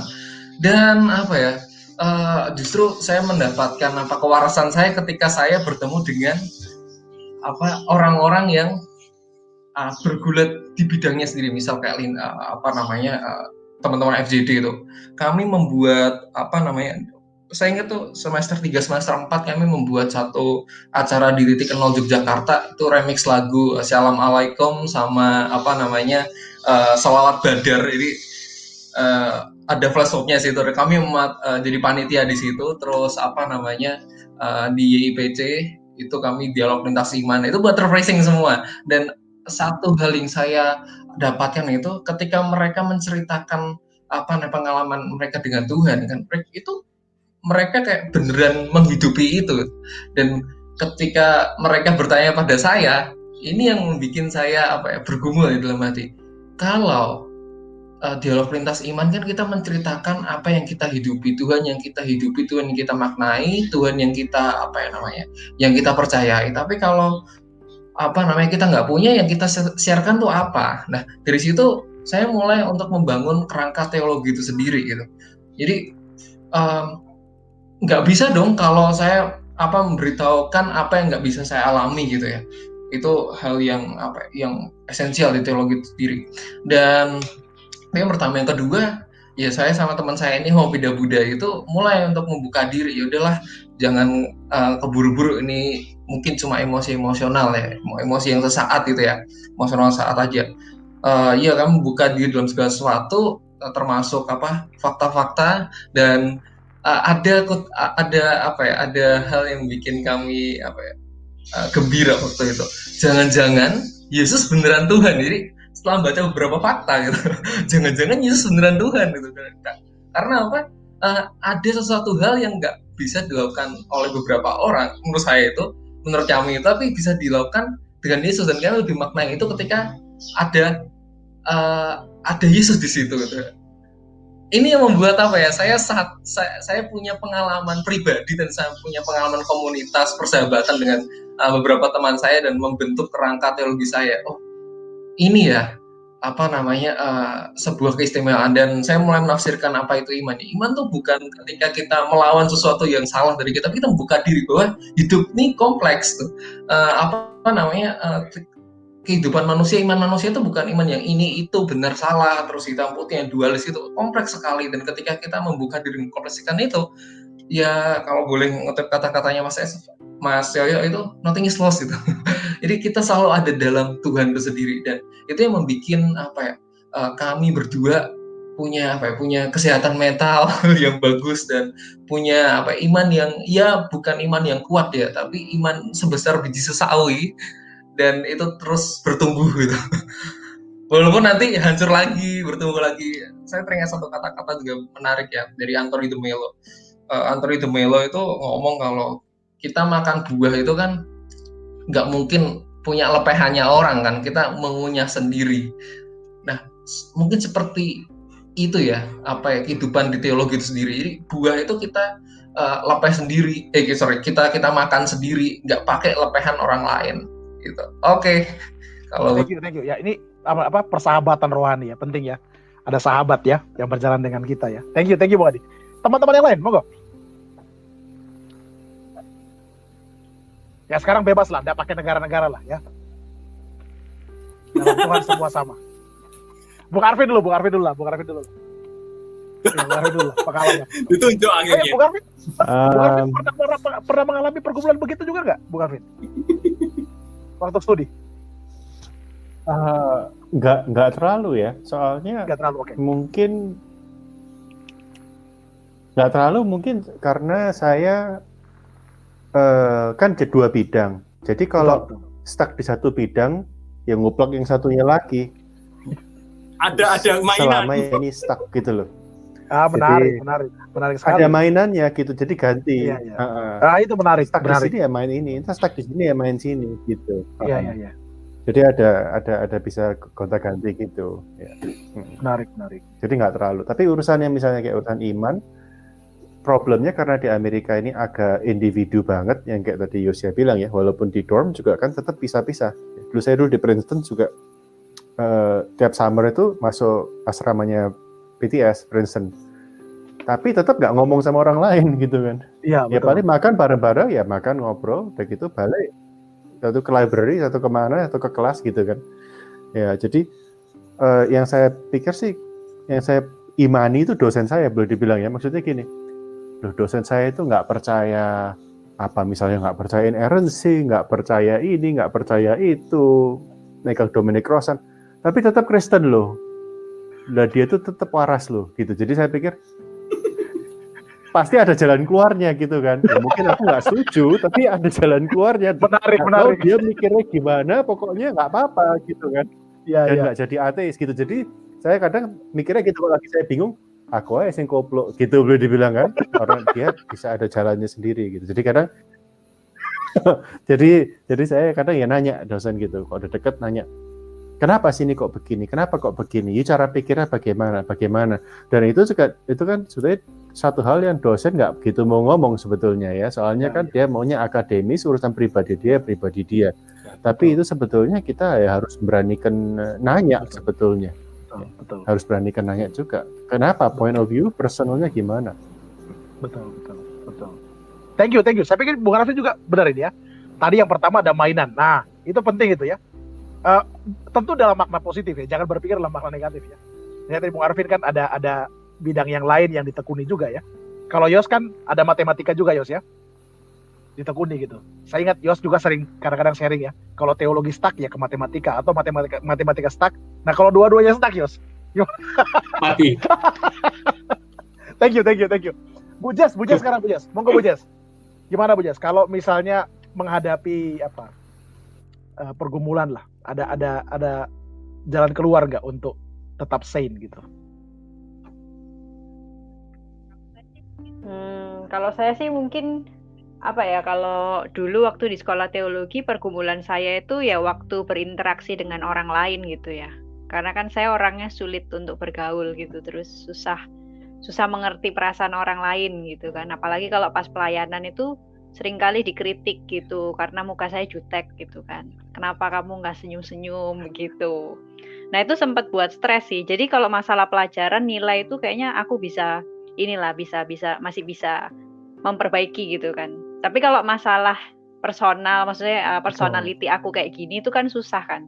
Kalau dulu sih aku seringnya berdoa berdoa gitu supaya Tuhan tuh mengubah aku menjadi orang yang ramah gitu orang yang apa ya bisa tersenyum bisa mengerti perasaan orang lain kayak gitu tapi kalau sekarang-sekarang ini tuh aku baru sadar bahwa ya kalau kayak gitu terus aku bakalan stres terus gitu loh karena aku hmm. aku memang kayak gini ya. gitu dan Tuhan terima aku ya seperti ini gitu memang aku personalitinya kayak gini kalau dulu kan aku kayak apa pengen berubah hmm. banget jadi orang yang ramah gitu bahkan kalau lihat status-status Facebookku dulu tuh kayak alay supaya aku bisa diterima gitu kan supaya aku tuh bisa apa orang bisa masih ada melihat aku ini ramah gitu. Masih ada ya Nah, tapi kalau ada.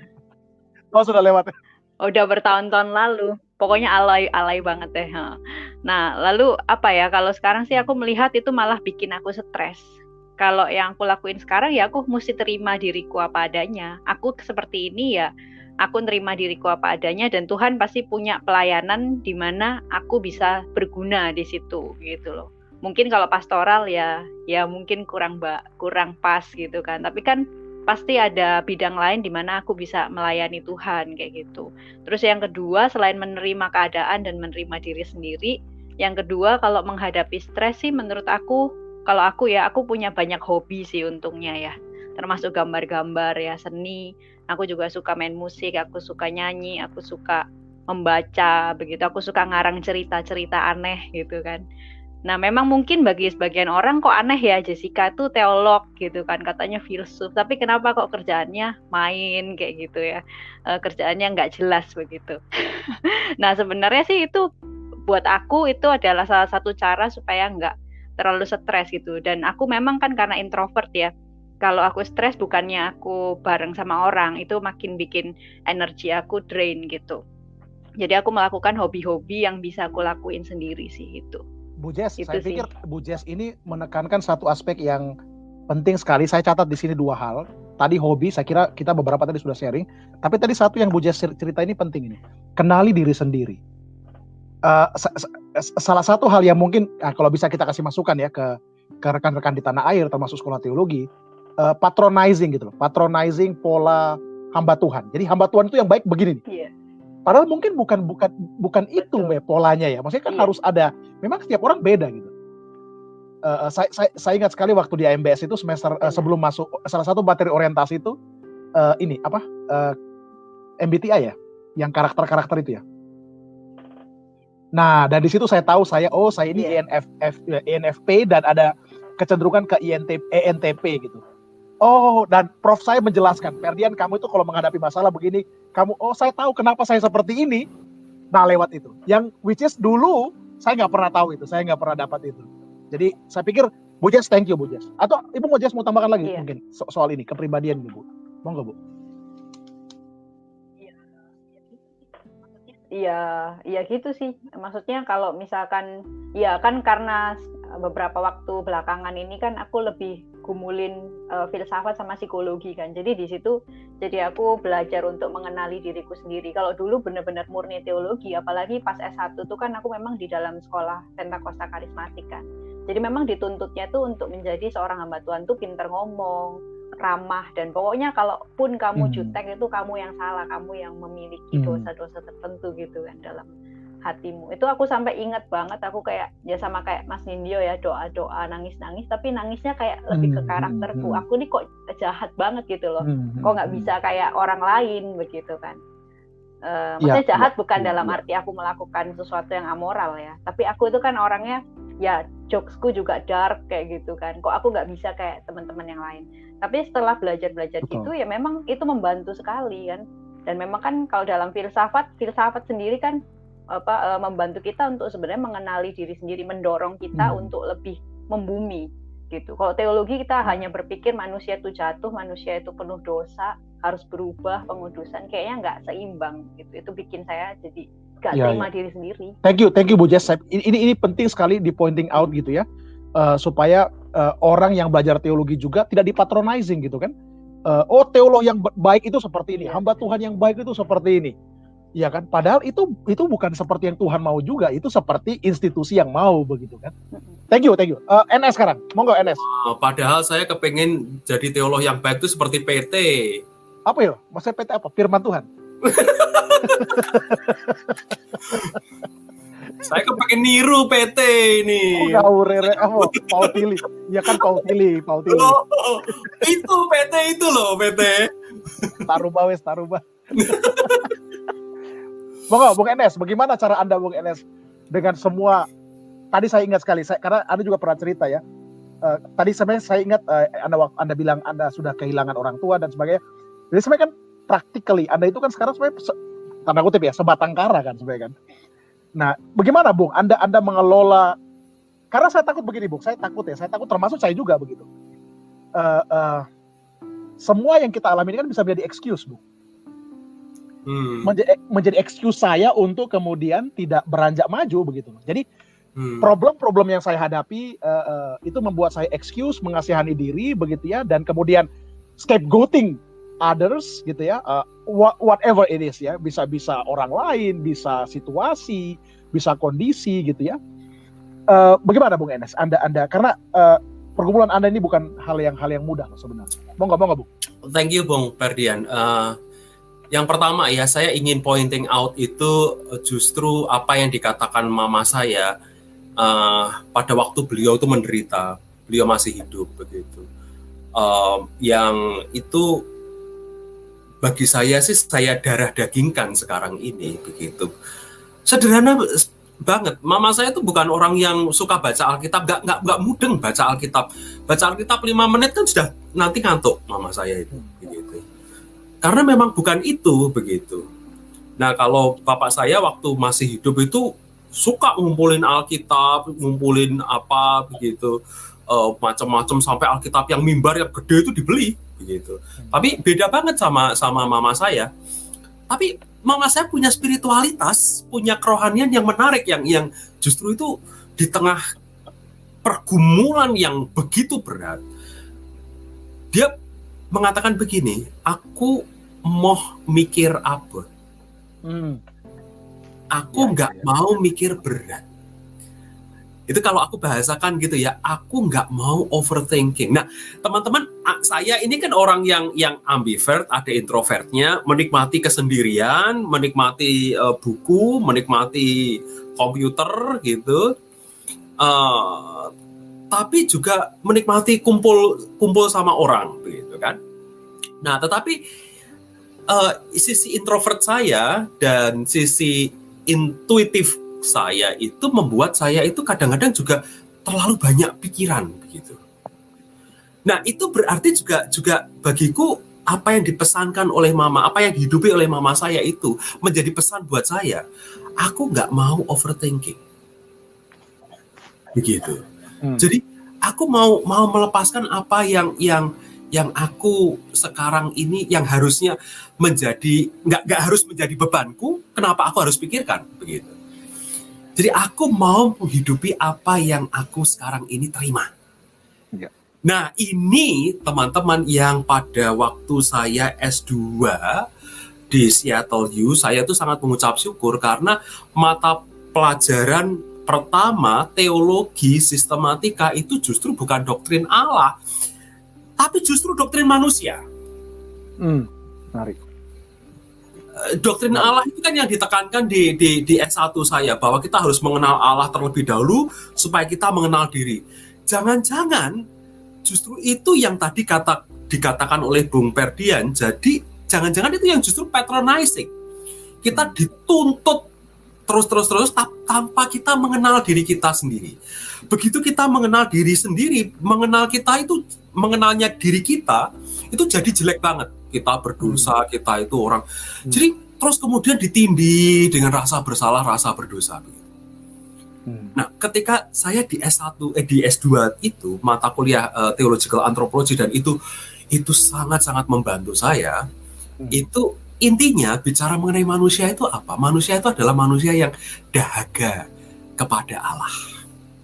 Gitu. Hmm. Manusia yang selalu haus terhadap Allah. Gitu. Dan manusia yang haus terhadap Allah, kalau dia sudah punya kehausan, itu sendiri dia sudah dirahmati oleh Allah, dia sudah menerima anugerah Allah. Dia tidak mungkin haus kepada Allah kalau dia itu tidak mendapatkan rasa haus. Dan rasa haus ini berarti adalah manifestasi dari Allah. Dari situ berarti saya itu makin melihat berarti apa pun keadaan saya, saya itu selalu berada di dalam relasi dengan Allah. Jadi lalu apa yang menakutkan saya? Nah, makanya dari situ teman-teman saya makin makin makin yakin 1 Yohanes 4 15 eh, 18 itu ya dan amin tidak ada kasih di dalam ketakutan gitu kan kasih yang sempurna mengenyahkan ketakutan dan makin berjalan ketika saya uh, belajar lagi itu tadi yang tadi dikutip oleh Bung SAW juga tiga kata sakti tersebut. Yang juga beberapa waktu yang lalu direiterasi oleh dosen saya uh, Profesor Johnson itu. Nothing is lost. Itu tiga kata kunci yang yang buat saya itu this is it gitu kan. Saya saya mau hidup di situ. Lalu di S2 dulu juga saya belajar satu kata yang saya ingat terus walaupun konsep yang lain itu lupa yaitu dari Duns Scotus haik ceitas haik ceitas itu keinian. Udahlah hidup di sini saja hidup yang ada sekarang. Gak usah overthinking gitu ya. Gak usah mikir abot kata mama saya. Dan kok saya melihat itu trajektorinya semua itu nyambung satu dengan yang lain, Bung Ferdian. Dan justru di situ saya mengucap syukur. Itu yang pertama ya. Jadi itu yang menjadi kekuatan saya bagi saya sampai saat ini. Yang kedua yaitu uh, uh, uh, Jenin Hill Fletcher, dosen yang kita pernah undang di, di, di teologi, itu waktu ngasih kuliah saya saya ikut juga theological anthropology hmm and Human Diversity, uh, dia di awal kuliah itu menekankan ini, menekankan kalau kamu tidak sedang berteologi, if you are not theologizing, what are you doing? Dan di situ ditekankan apa yang kamu lakukan yang berbeda dengan teologi, kamu ngapain? Hmm. Gitu. Dan itu penting berarti jangan terkooptasi dengan teologi jangan mabuk dengan teologi juga. Kamu harus punya sesuatu yang berbeda. Dan aku katakan, aku aku nggak bisa hidup tanpa komunitas itu. Aku nggak bisa hidup tanpa komunitas dan makanya aku mendapatkan gereja uh, eh, MMF itu itu sebuah sebuah uh, uh, penghiburan bagiku. Yang kedua, aku suka jalan-jalan. Jadi waktu di Seattle itu juga teman-teman S2 saya dulu, saya selalu memang sengaja ngambil uh, public transport supaya saya bisa jalan kaki dan saya senang jalan kaki. Kilo kilo eh, berkilo-kilometer pun ya senang pokoknya. Saya mengambil waktu untuk jalan kaki gitu. Jadi nggak nggak langsung uh, uh, ambil apa transportasi umum langsung sampai di tempat enggak nggak asik buatku. Harus ada jalan kakinya gitu. Jadi tiap hari jalan kaki begitu. Uh, dan seperti ini tadi sebelum kita on air ini saya jalan kaki begitu ya. Terus foto-foto. Nah, saya tidak punya uh, kamera fancy, kamera fancy saya sudah rusak, tapi ya ini aja cukup begitu kan. Pokoknya saya ngambil foto. Pokoknya yang penting adalah saya seneng. Sudah itu aja. Ya. Dan saya juga tadi di uh, ke, ke, kemarin ya diingatkan sama prof saya di sini di villa ya, uh. Sama seperti Jalen Hill Fletcher. Jadi prof saya bilang "Eh, jadi setelah ini kalian buat apa dia bilang kami bingung kan loh ini sudah kelas kok tanyanya itu Nggak, nggak serius saya serius tanya kamu kalian ngapain? Kami ceritalah eh, pengalaman apa yang kami lakukan kan? Terus dia bilang dia tekankan Bung Enes seperti yang anda bilang tadi. Nah, jadi jangan cuma sekedar berpikir teologi lakukan hidup anda yang anda suka gitu. Atau tadi istilahnya Bung Arvin mainan. Nah gitu Hmm, mainan. Tapi mainan yang kena ya. Oke oke. Ada kalau nggak salah ada apakah ada dari pemirsa? Dari pemirsa ada nih pertanyaan nih. wah ini ini menarik. Oke. Apakah kegiatan rohani dari kampus atau komunitas lain punya pengaruh dalam mengatasi tekanan studi? Monggo. Eh, silakan silakan. Ada yang mau berkomentar guys? Saya modera- moderasi aja lah. Monggo. Adakah apakah kegiatan rohani dari kampus atau komunitas lain ini maksudnya kampus tempat kita studi ya atau komunitas lain di luar kampus punya pengaruh? Kalau saya ada, kalau saya menjawab ada Bung Ferdian. Jadi ya dulu di S1 saya suka karena saya punya teman-teman gitu kan punya klik dan dan Bung Ferdian tahu bahwa eh, waktu dulu di S1 itu ada komunitas di tangga itu ya Bung ya. Terus Ya, kami bikin kopi sama-sama, maaf kata ini teman-teman agak jorok ya. Tapi kami itu bikin punya punya punya tempat eh, kopi bareng gitu ya, eh, gelas yang yang besar gitu, bikin kopi bersama-sama. Kadang-kadang teman saya, bukan bukan kadang-kadang teman saya yang selalu bikin eh, ngudak kopi bersama gitu, terus kemudian diminum bareng-bareng dan diskusi. Ya. gitu. Dan diskusi itu di tangga gitu. Duduk di tangga itu diskusi. Ya apa pun juga. Eh, ngomong apa pun juga. Tapi itu justru jadi karib gitu. Dan itu justru yang membuat saya sendiri suka. Yang kedua eh, kegiatan ya waktu S2 itu saya ya oh saya punya teman a- eh, nongkrong di lounge jadi di tahun pertama S2 saya itu saya kerja menjadi graduate assistant di yang ngurusin launch mahasiswa gitu. Dan saya punya teman karib di sana. Satu teman saya sekarang berada di Vanderbilt eh, ngambil masternya, dia sedang persiapan ke S3. Satu lagi sudah meninggal. Eh, dia transpuan, mantan militer, begitu. Eh, itu kami teman dekat. Kami kami kalau curhat itu bisa bisa bisa sampai ke masalah-masalah yang dalam dan dan wah sangat senang gitu. Dan itu yang saya rindukan teman-teman. Dan di sini juga sama eh, saya punya komunitas juga tadi yang saya sebut MMF dan juga teman-teman di sini ini ini teman-teman yang yang membuat saya tetap eh, waras ini gitu kan. Jadi terima kasih teman-teman Anda menjaga kewarasan saya Ya. thank you, thank you. Oke, thank you Bu. Yang lain, yang lain, gimana? Ada yang mau sharing nggak ini? Pengaruh dari komunitas lain atau gimana? Oke, iya. Saya pikir pengaruhnya sangat luar biasa ya. Tapi uh, perlu digarisbawahi juga ya. Kalau misal kita nggak punya apa ya, uh, nggak punya uh, kemauan untuk membuka diri juga susah ya. Jadi nggak ada pengaruhnya apa-apa gitu. Iya, karena waktu itu ya saya punya teman, tapi saya nggak nggak pernah nganggap itu teman gitu.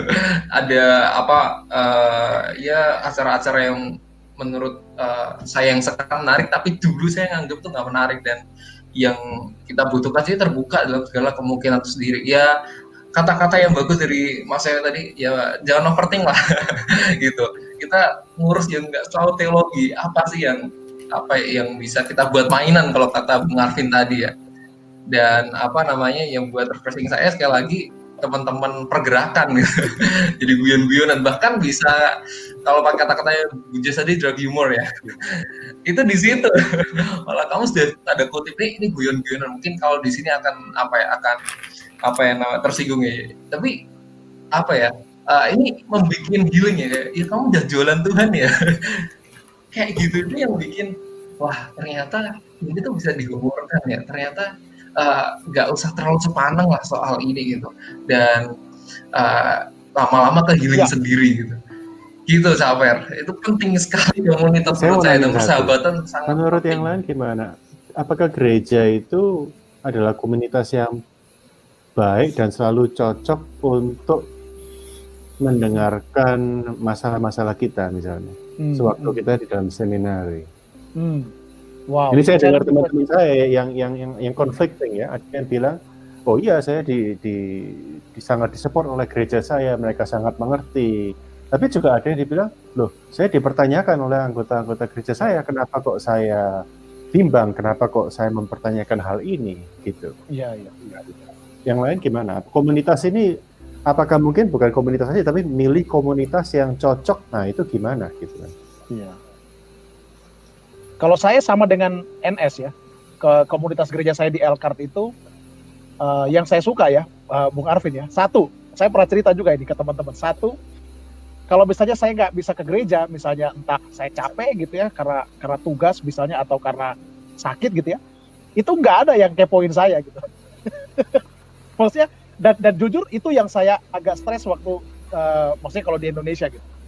Apalagi kalau kita, apalagi kalau kita ini eh, sebagai orang yang umat ya, pemimpin umat ya. Nggak ada yang kepoin. Malah yang ada itu perhatian, benar-benar perhatian. Dan saya rasa itu perhatian bukan karena mau kepoin, bukan.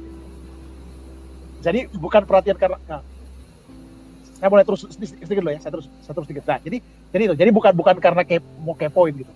Nah yang kedua, eh, eh, saya nggak tahu lagi-lagi ini sangat sangat tergantung ya. Cuma saya saya ngalamin betul waktu eh, saya punya juga pergumulan eh, relasional di di kampus lah satu kali sempat ada lah. Eh, gereja benar-benar eh, profesional gitu ya, baik dan sangat suportif. Jadi tidak ada gosip, tidak ada eh, cerita-cerita gitu ya. Nah, yang saya takut kalau konteks yang di tanah air gitu ya, itu satu cerita ke sini itu bisa bisa jadi apa ya? Cerita berseri gitu, Bu. Ke mana-mana gitu. Nah, saya nggak tahu. Tapi lagi-lagi saya tidak melihat ini di Amerika pun kan terjadi hal-hal seperti itu. Saya, saya pikir bukan cuma sekedar masalah negara ya. Tapi kebetulan saya waktu di Elkat, saya ketemu dengan gereja yang sekali saya datang saya tidak mau pindah lagi. Karena saya rasa itu gereja yang ya buat saya ideal. Eh, walaupun orang-orangnya tidak ideal. Maksud saya begini, di dalam dalam gereja itu Bung Arvin ada ada beberapa jemaat yang saya cerai. Ada. Eh, yang yang second marriage ada. Tapi justru itu yang saya kagum begitu. Eh, eh, eh, tidak ada tuh yang gosipin. Misalnya contoh ya, saya bayangin loh kalau misalnya kalau misalnya kondisi ini terjadi di tempat misalnya di, di Indonesia, wah jadi bahan gosip kan second marriage, eh, eh, cerai, bahkan ada satu jemaat yang anaknya itu eh, ini eh, LGBT. Wah habis itu pasti jadi bahan cerita kan. Tapi justru itu tidak ada, tidak ada gosip sama sekali, tidak ada gosip. Nggak ada yang datang ke saya terus cerita. Misalnya, Ferdian, itu loh, kamu lihat itu ya, itu second marriage misalnya. Nggak ada, nggak ada sama sekali. Nah itu, itu yang buat saya jatuh cinta dengan gereja itu. Sih kalau saya Bung Arvin. Uh, saya mau menambahkan uh, dan juga menjawab apa yang dikatakan oleh Bung Arvin. Um, ya, kalau saya sendiri, saya harus mengakui tidak semua bisa saya ungkapkan kepada uh, uh, komunitas. Apalagi saya tahu bahwa uh, saya punya latar belakang yang berbeda, cara berpikir yang berbeda, bahasa juga saya terbatas, dan juga uh, cara ya cara komunikasi yang juga berbeda sehingga uh, kadang-kadang memang nggak bisa saya ngomong bahkan juga ngomong kepada pendeta. Dalam hal ini saya ingat bahwa pada waktu saya di S2 itu paling tidak saya diminta untuk punya tiga tiga tiga orang. Satu itu uh, academic advisor uh, yang memang ngurusin masalah uh, nilai-nilai saya dan juga men-track down semua urusan akademik. Yang kedua gembala, begitu ya kan. Gembala, uh, saya menjadi bagian dari komunitas atau kalau nggak gembala ya konselor begitu ya kan. Uh, saya bisa cerita curcol.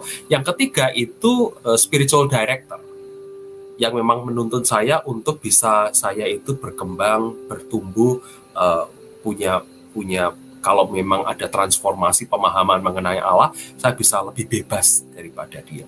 Nah, ketiga-tiganya harus terpisah satu dengan yang lain. Nggak bisa sama. Jadi kepada gembala saya atau kepada konselor saya, uh, saya konselor saya nggak boleh academic advisor dan nggak boleh spiritual director begitu. Spiritual director harus orang luar begitu. Supaya apa? Nggak ada konflik of interest. Karena memang kadang-kadang kepada pendeta saya, kepada pendeta di sini pun, kepada orang-orang gereja, saya nggak bisa cerita apa yang saya pikirkan. begitu. Nah, maka saya butuh uh, yang namanya entah spiritual companion atau spiritual director. Nah, kayak itu sih, Bung, menurut saya. Apakah itu menjawab? Ya, saya dulu saya dulu di seminari Katolik kan, jadi ada spiritual director. Nah, kalau di seminari-seminari lain itu apakah selalu ada spiritual director? Tadi Bung Enes ada yang lain gimana? Ada enggak? Ada, ada, ada. Ada. Ada, ada ya? Ada, ada. Oke, okay, oke. Okay. Iya, apa namanya? Um, spiritual director ini uh, apa ya dosen yang dekat sama kita atau uh, dosen pembimbing bukan dosen pembimbing ya uh, mentor lah mentor mentor apa ya mentor perwalian lah seperti itu jadi kita bisa curhat banyak hal uh, dengan dia dan apa namanya uh, dibutuhkan support system nah uh, dosen ini itu support system kita gitu dan itu cukup membantu sekali gitu hmm. walaupun kami baru tahu itu membantunya tuh di akhir-akhir kenapa ya kami nggak memanfaatkan apa ya uh, uh, peluang ini untuk membangun spiritualitas kita gitu. Ya sadarnya baru di akhir karena kita nggak mau membuka diri gitu. Kalau aku ya. Hmm. Ya ya ya. Nah, saya mau menambahkan Bung Arvin, uh, saya ingat bahwa pada waktu saya di di di gereja dulu itu saya punya spiritual companion itu justru yang memang lepas dari uh, urusan kerja saya begitu uh, saya memilih untuk pergi ke 30 menit ke tempat teman saya ini untuk paling tidak itu curcol paling tidak saya ngomong dengan dia dan saya tahu bahwa memang dia nggak ada nggak ada kaitan apa-apa dengan dengan uh, pekerjaan saya dengan dengan uh, apa yang saya omongkan begitu sehingga bagi saya sih uh, dengan posisi yang seperti ini uh, spiritual director atau spiritual mentor saya itu atau spiritual companion saya itu ya paling tidak dia mendengarkan saya gitu. Uh, itu itu bagi saya itu sudah sudah sudah cukup melegakan begitu sih. Dan nah, mungkin mungkin yang paling penting ya uh, memilih nah itu tadi memilih hmm. orang yang terbaik dan tepat karena belum tentu juga orang yang berjabatan spiritual director itu orang yang bisa dipercaya. Ya betul. Orang, jadi jadi karena kalau kasus saya berbeda, justru saya lebih percaya di gereja. Dan saya merasa itu ada ada ada ada jarak dengan seminari saya begitu. Karena waktu itu saya di seminari jadi TA, saya saya juga kerja di seminari. Uh, saya pikir saya perlu orang yang berjarak dengan dan dan dan seperti Bung Enes bilang tadi ya, uh, saya saya justru tidak terlalu uh, pas dengan orang yang menjadi spiritual director di sekolah. Bukan bukan dia jelek bukan, tapi kan ini sense sense apa ya personal sense ya Ya, uh, ya. Saya rasa, uh, attachment saya lebih ke orang yang di gereja. Jadi jangan kemudian gara-gara dia director gitu ya, ada jabatan itu, kemudian uh, kita kejar itu. Saya pikir pengenalan ya, yang yang personal itu yang penting. Siapa pun yang kita nanti jadi companion. Ya. Ada lagi teman-teman? Ada lagi mungkin dari dari pemirsa? Mungkin satu Ada ini, Bu. Wah, ini Bu Jess yang harus jawab nih berarti setelah mendengar sharing Bu Jess, kalau dari pengalaman saya sering kali komunitas rohani juga berkontribusi. Wah, ini Bu, bagaimana? Peningkatan stres, emosi pribadi, karena di dalam komunitas kita bertemu dengan berbagai macam karakter orang. Itu sering kali sangat melelahkan ya. sekali. Apa syarat mengatasinya? Ini sama seperti sebenarnya pertanyaan Bung Arvin kan? Kalau saya dengar ya. Bung. Kalau ini langsung, kalau ini mungkin malah langsung ke ke ini, ke implikasi negatifnya justru dari dari komunitas. Jadi komunitas tidak selalu supporting Bagaimana ya. Bu Jess? Uh, mungkin konteksnya kalau yang saya baca tuh kayak dia melayani, terus dia bertemu dengan berbagai macam orang yang dilayani ya komunitas itu, terus dia merasa lelah kan. Kalau saya nangkapnya pertanyaannya ya. begitu ya. Kalau uh, dari saya sih mungkin ini loh be yourself aja gitu. Kalau memang lelah ya kita mesti beristirahat saya ingat dulu waktu saya pelayanannya S1 itu kan uh, itu saya berusaha ya untuk menjadi orang yang ramah, orang yang melayani dengan baik. Pokoknya saya pengennya perfect lah semuanya. Sampai saya tuh merasa memang secara fisik itu lelah, secara mental juga lelah gitu. Nah, teman sepelayanan saya mungkin melihat saya uh, lelah gitu loh. Kemudian dia ngajak saya ke kamar, terus dia tiba-tiba rebahan gitu. Padahal tuh kita lagi ada pelayanan. Maksudnya lagi pengennya nyiap-nyiapin apa waktu itu kayak ada retreat gitu kan terus dia bilang tiduran dulu sini gitu kan terus kan saya bilang loh kita masih banyak pelayanan nih kita harus melayani orang-orang gitu terus dia bilang loh kalau kamu lelah ya kamu harus istirahat gitu. Kalau kamu lelah kamu harus jujur sama dirimu sendiri. Kalau kamu lelah terus kamu maksain diri malah pelayananmu itu jadi nggak maksimal dan kamu juga jadi lelah sendiri begitu kan. Jadi menurut saya sih kalau uh, kita lelah itu adalah hal yang wajar gitu. Bukan berarti kita menjadi seorang hamba Tuhan itu harus menjadi orang yang super yang nggak pernah lelah yang selalu perfect begitu kan tapi uh, alangkah baiknya bahwa kelelahan kita tuh tidak kita ungkapkan secara emosional begitu. Lelah tiba-tiba jemaat dimarahin lelah tiba-tiba baper jangan gitu. Tapi uh, kita ambil waktu sendirian begitu kan bagaimana kita memulihkan emosi kita sendiri. Yang penting be yourself sih maksudnya jangan jangan terus-terusan mau di apa ya mentang-mentang kita hamba Tuhan terus kita harus menjadi super gitu loh. Itu sih menurut saya ya nah ngomong-ngomong soal ya. ini pertanyaan sesuai sesuai juga uh, dan sudah terjawab dengan apa yang dikatakan oleh Bu Jess begitu kan uh, pentingnya pengalaman kesendirian menyepi solitude itu penting Eh, teman-teman. Uh, Jadi buat saya bahwa komunitas itu juga draining karena saya saya punya punya punya aspek uh, uh, introvert juga dan untuk ngomong dengan orang-orang uh, yang tidak berbahasa yang sama dengan saya itu draining. Itu capek sekali. Itu capek sekali begitu. Jadi kadang-kadang uh, setelah ngomong dengan orang saya butuh waktu untuk saya itu shutdown untuk diri saya. Uh, untuk untuk diam begitu. Intinya mengenali mekanisme kita lah, tubuh kita ya. Tapi, betul. Saya pikir itu betul. penting ya, mengenali mekanisme apa ritme tubuh kita. Saya ingat kalau ngomong-ngomong tidur Bu Jas ya, itu waktu uh, saya masih di Perkantas itu ada satu mentor yang menarik itu di Solo ya, uh, almarhum Kak Gun luar biasa beliau. Jadi waktu kami kemudian ke Solo itu spiritual retreat, kami kaget gitu karena waktu datang kami pikir kan kan namanya retreat kan mestinya apa? Sesi kan? Retreat langsung pembukaan gitu kan? Enggak sesi pertama disuruh tidur. Disuruh tidur beneran. Sesi pertama itu suruh tidur tidur.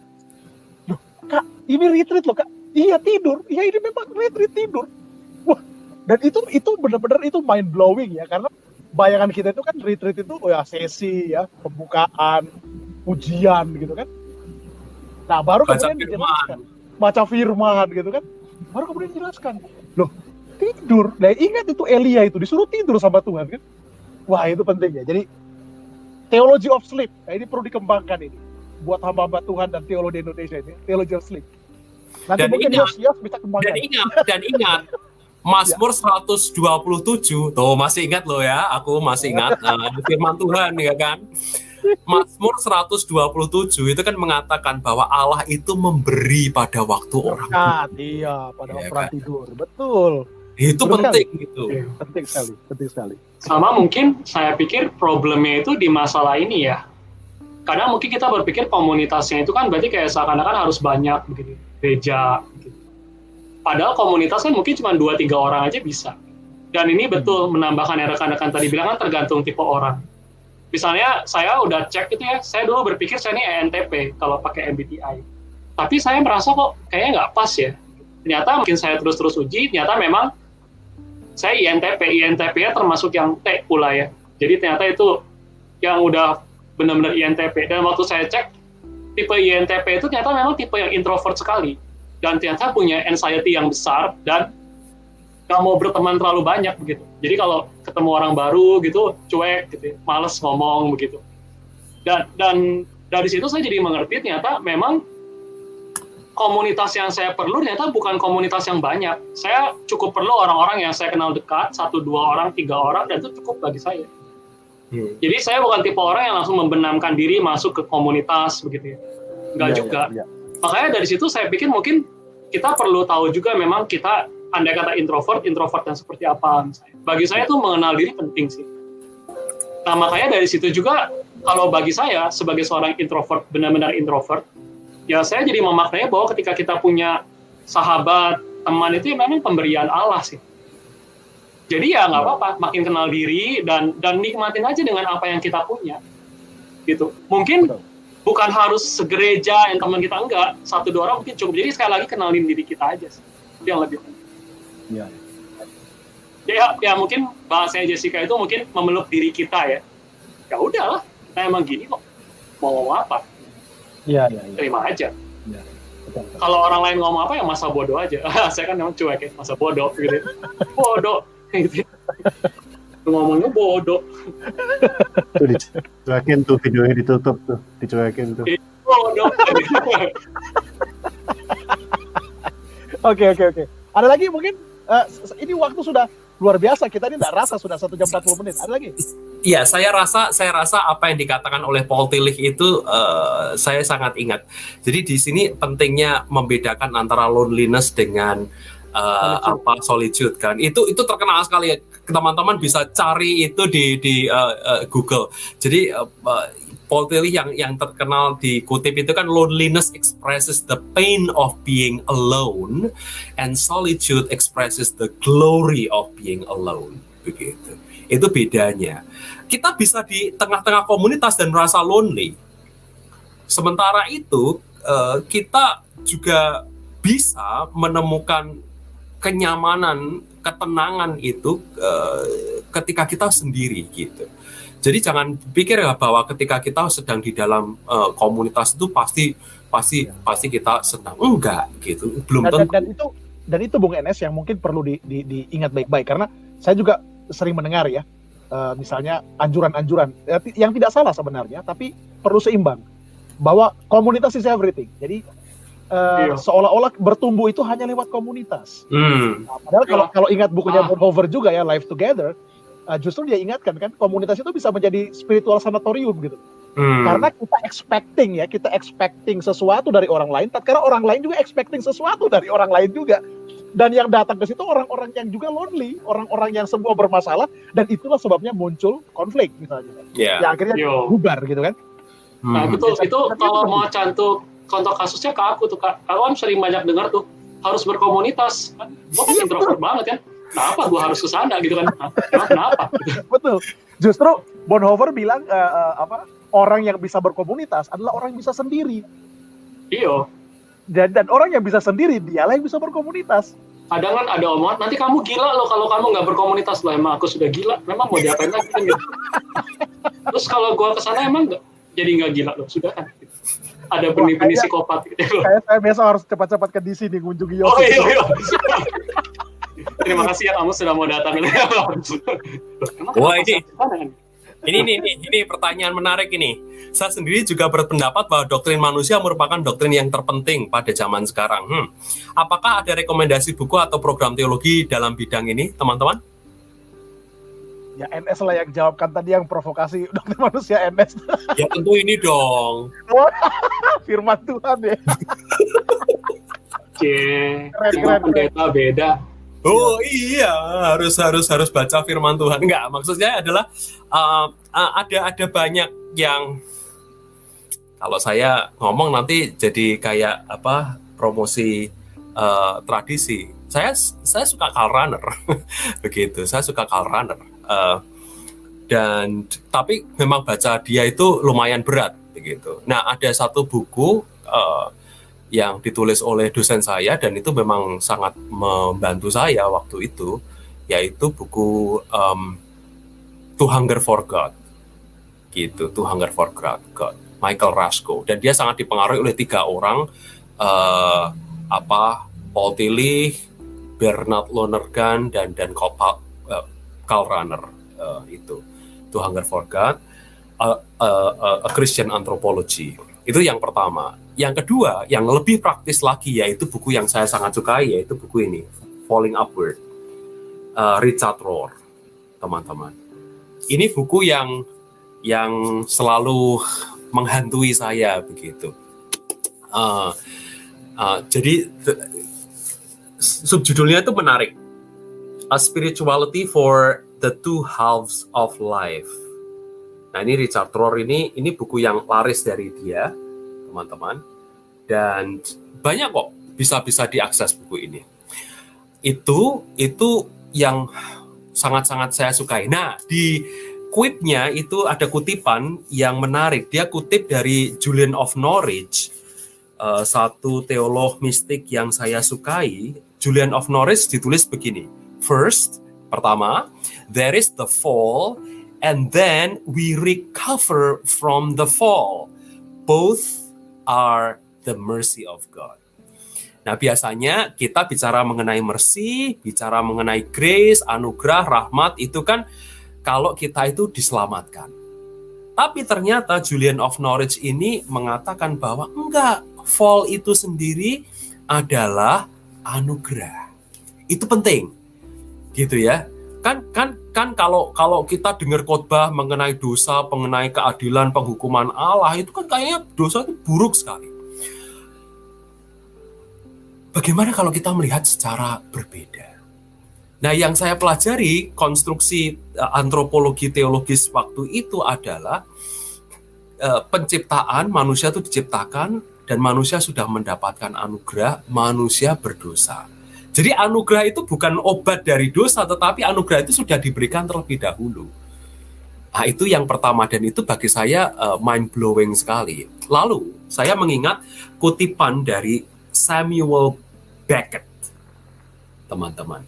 Samuel Beckett itu terkenal dengan uh, tiga kalimatnya: uh, try again, fail again, fail better. Itu lengkapnya itu sebenarnya begini: ever tried, ever failed, no matter. Try again, fail again, fail better. Jadi selalu mencoba, selalu gagal, nggak apa-apa. Coba lagi, gagal lagi, gagal lebih baik. Nah, kalau kita menghidupi yang semacam ini, kita akan cultivate grace, cultivate mercy dalam diri kita. Bahwa kegagalan itu nggak masalah kok. Dan kalau kita gagal next time, kita gagal lebih baik.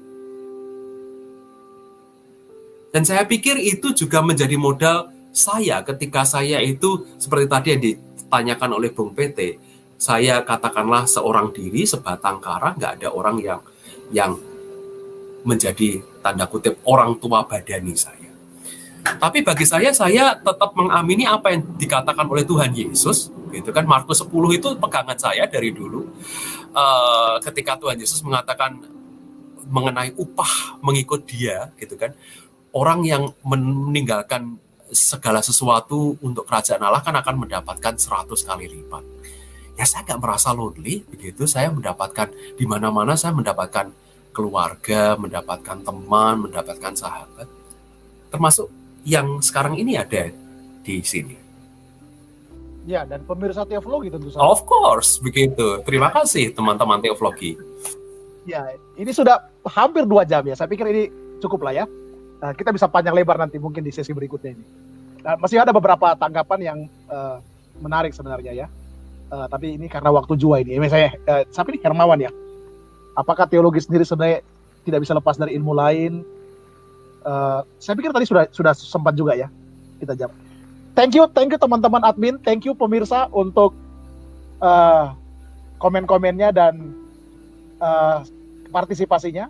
Ini luar biasa ya menurut saya saya juga tidak nyangka ya karena kita pikir ini sesi yang curhat-curhat gitu tapi ternyata banyak juga yang antusias ya bagaimana teologi harus integratif lah ya nggak melulu framework gitu kan nggak melulu konsep metodologi ya. Nah ini sekarang kita membumi nih. Supaya tiap curcol aja mikir. Iya. Oke oke. Thank you thank you semua. Thank you teman-teman. Tetap sehat gitu ya. Tetap uh, stay dan jangan lupa seperti kata kenapa? Tetap waras. Tetap waras dan jangan lupa jangan lupa seperti kata Bung Arvin. Nah, cari mainan itu, cari mainan ya.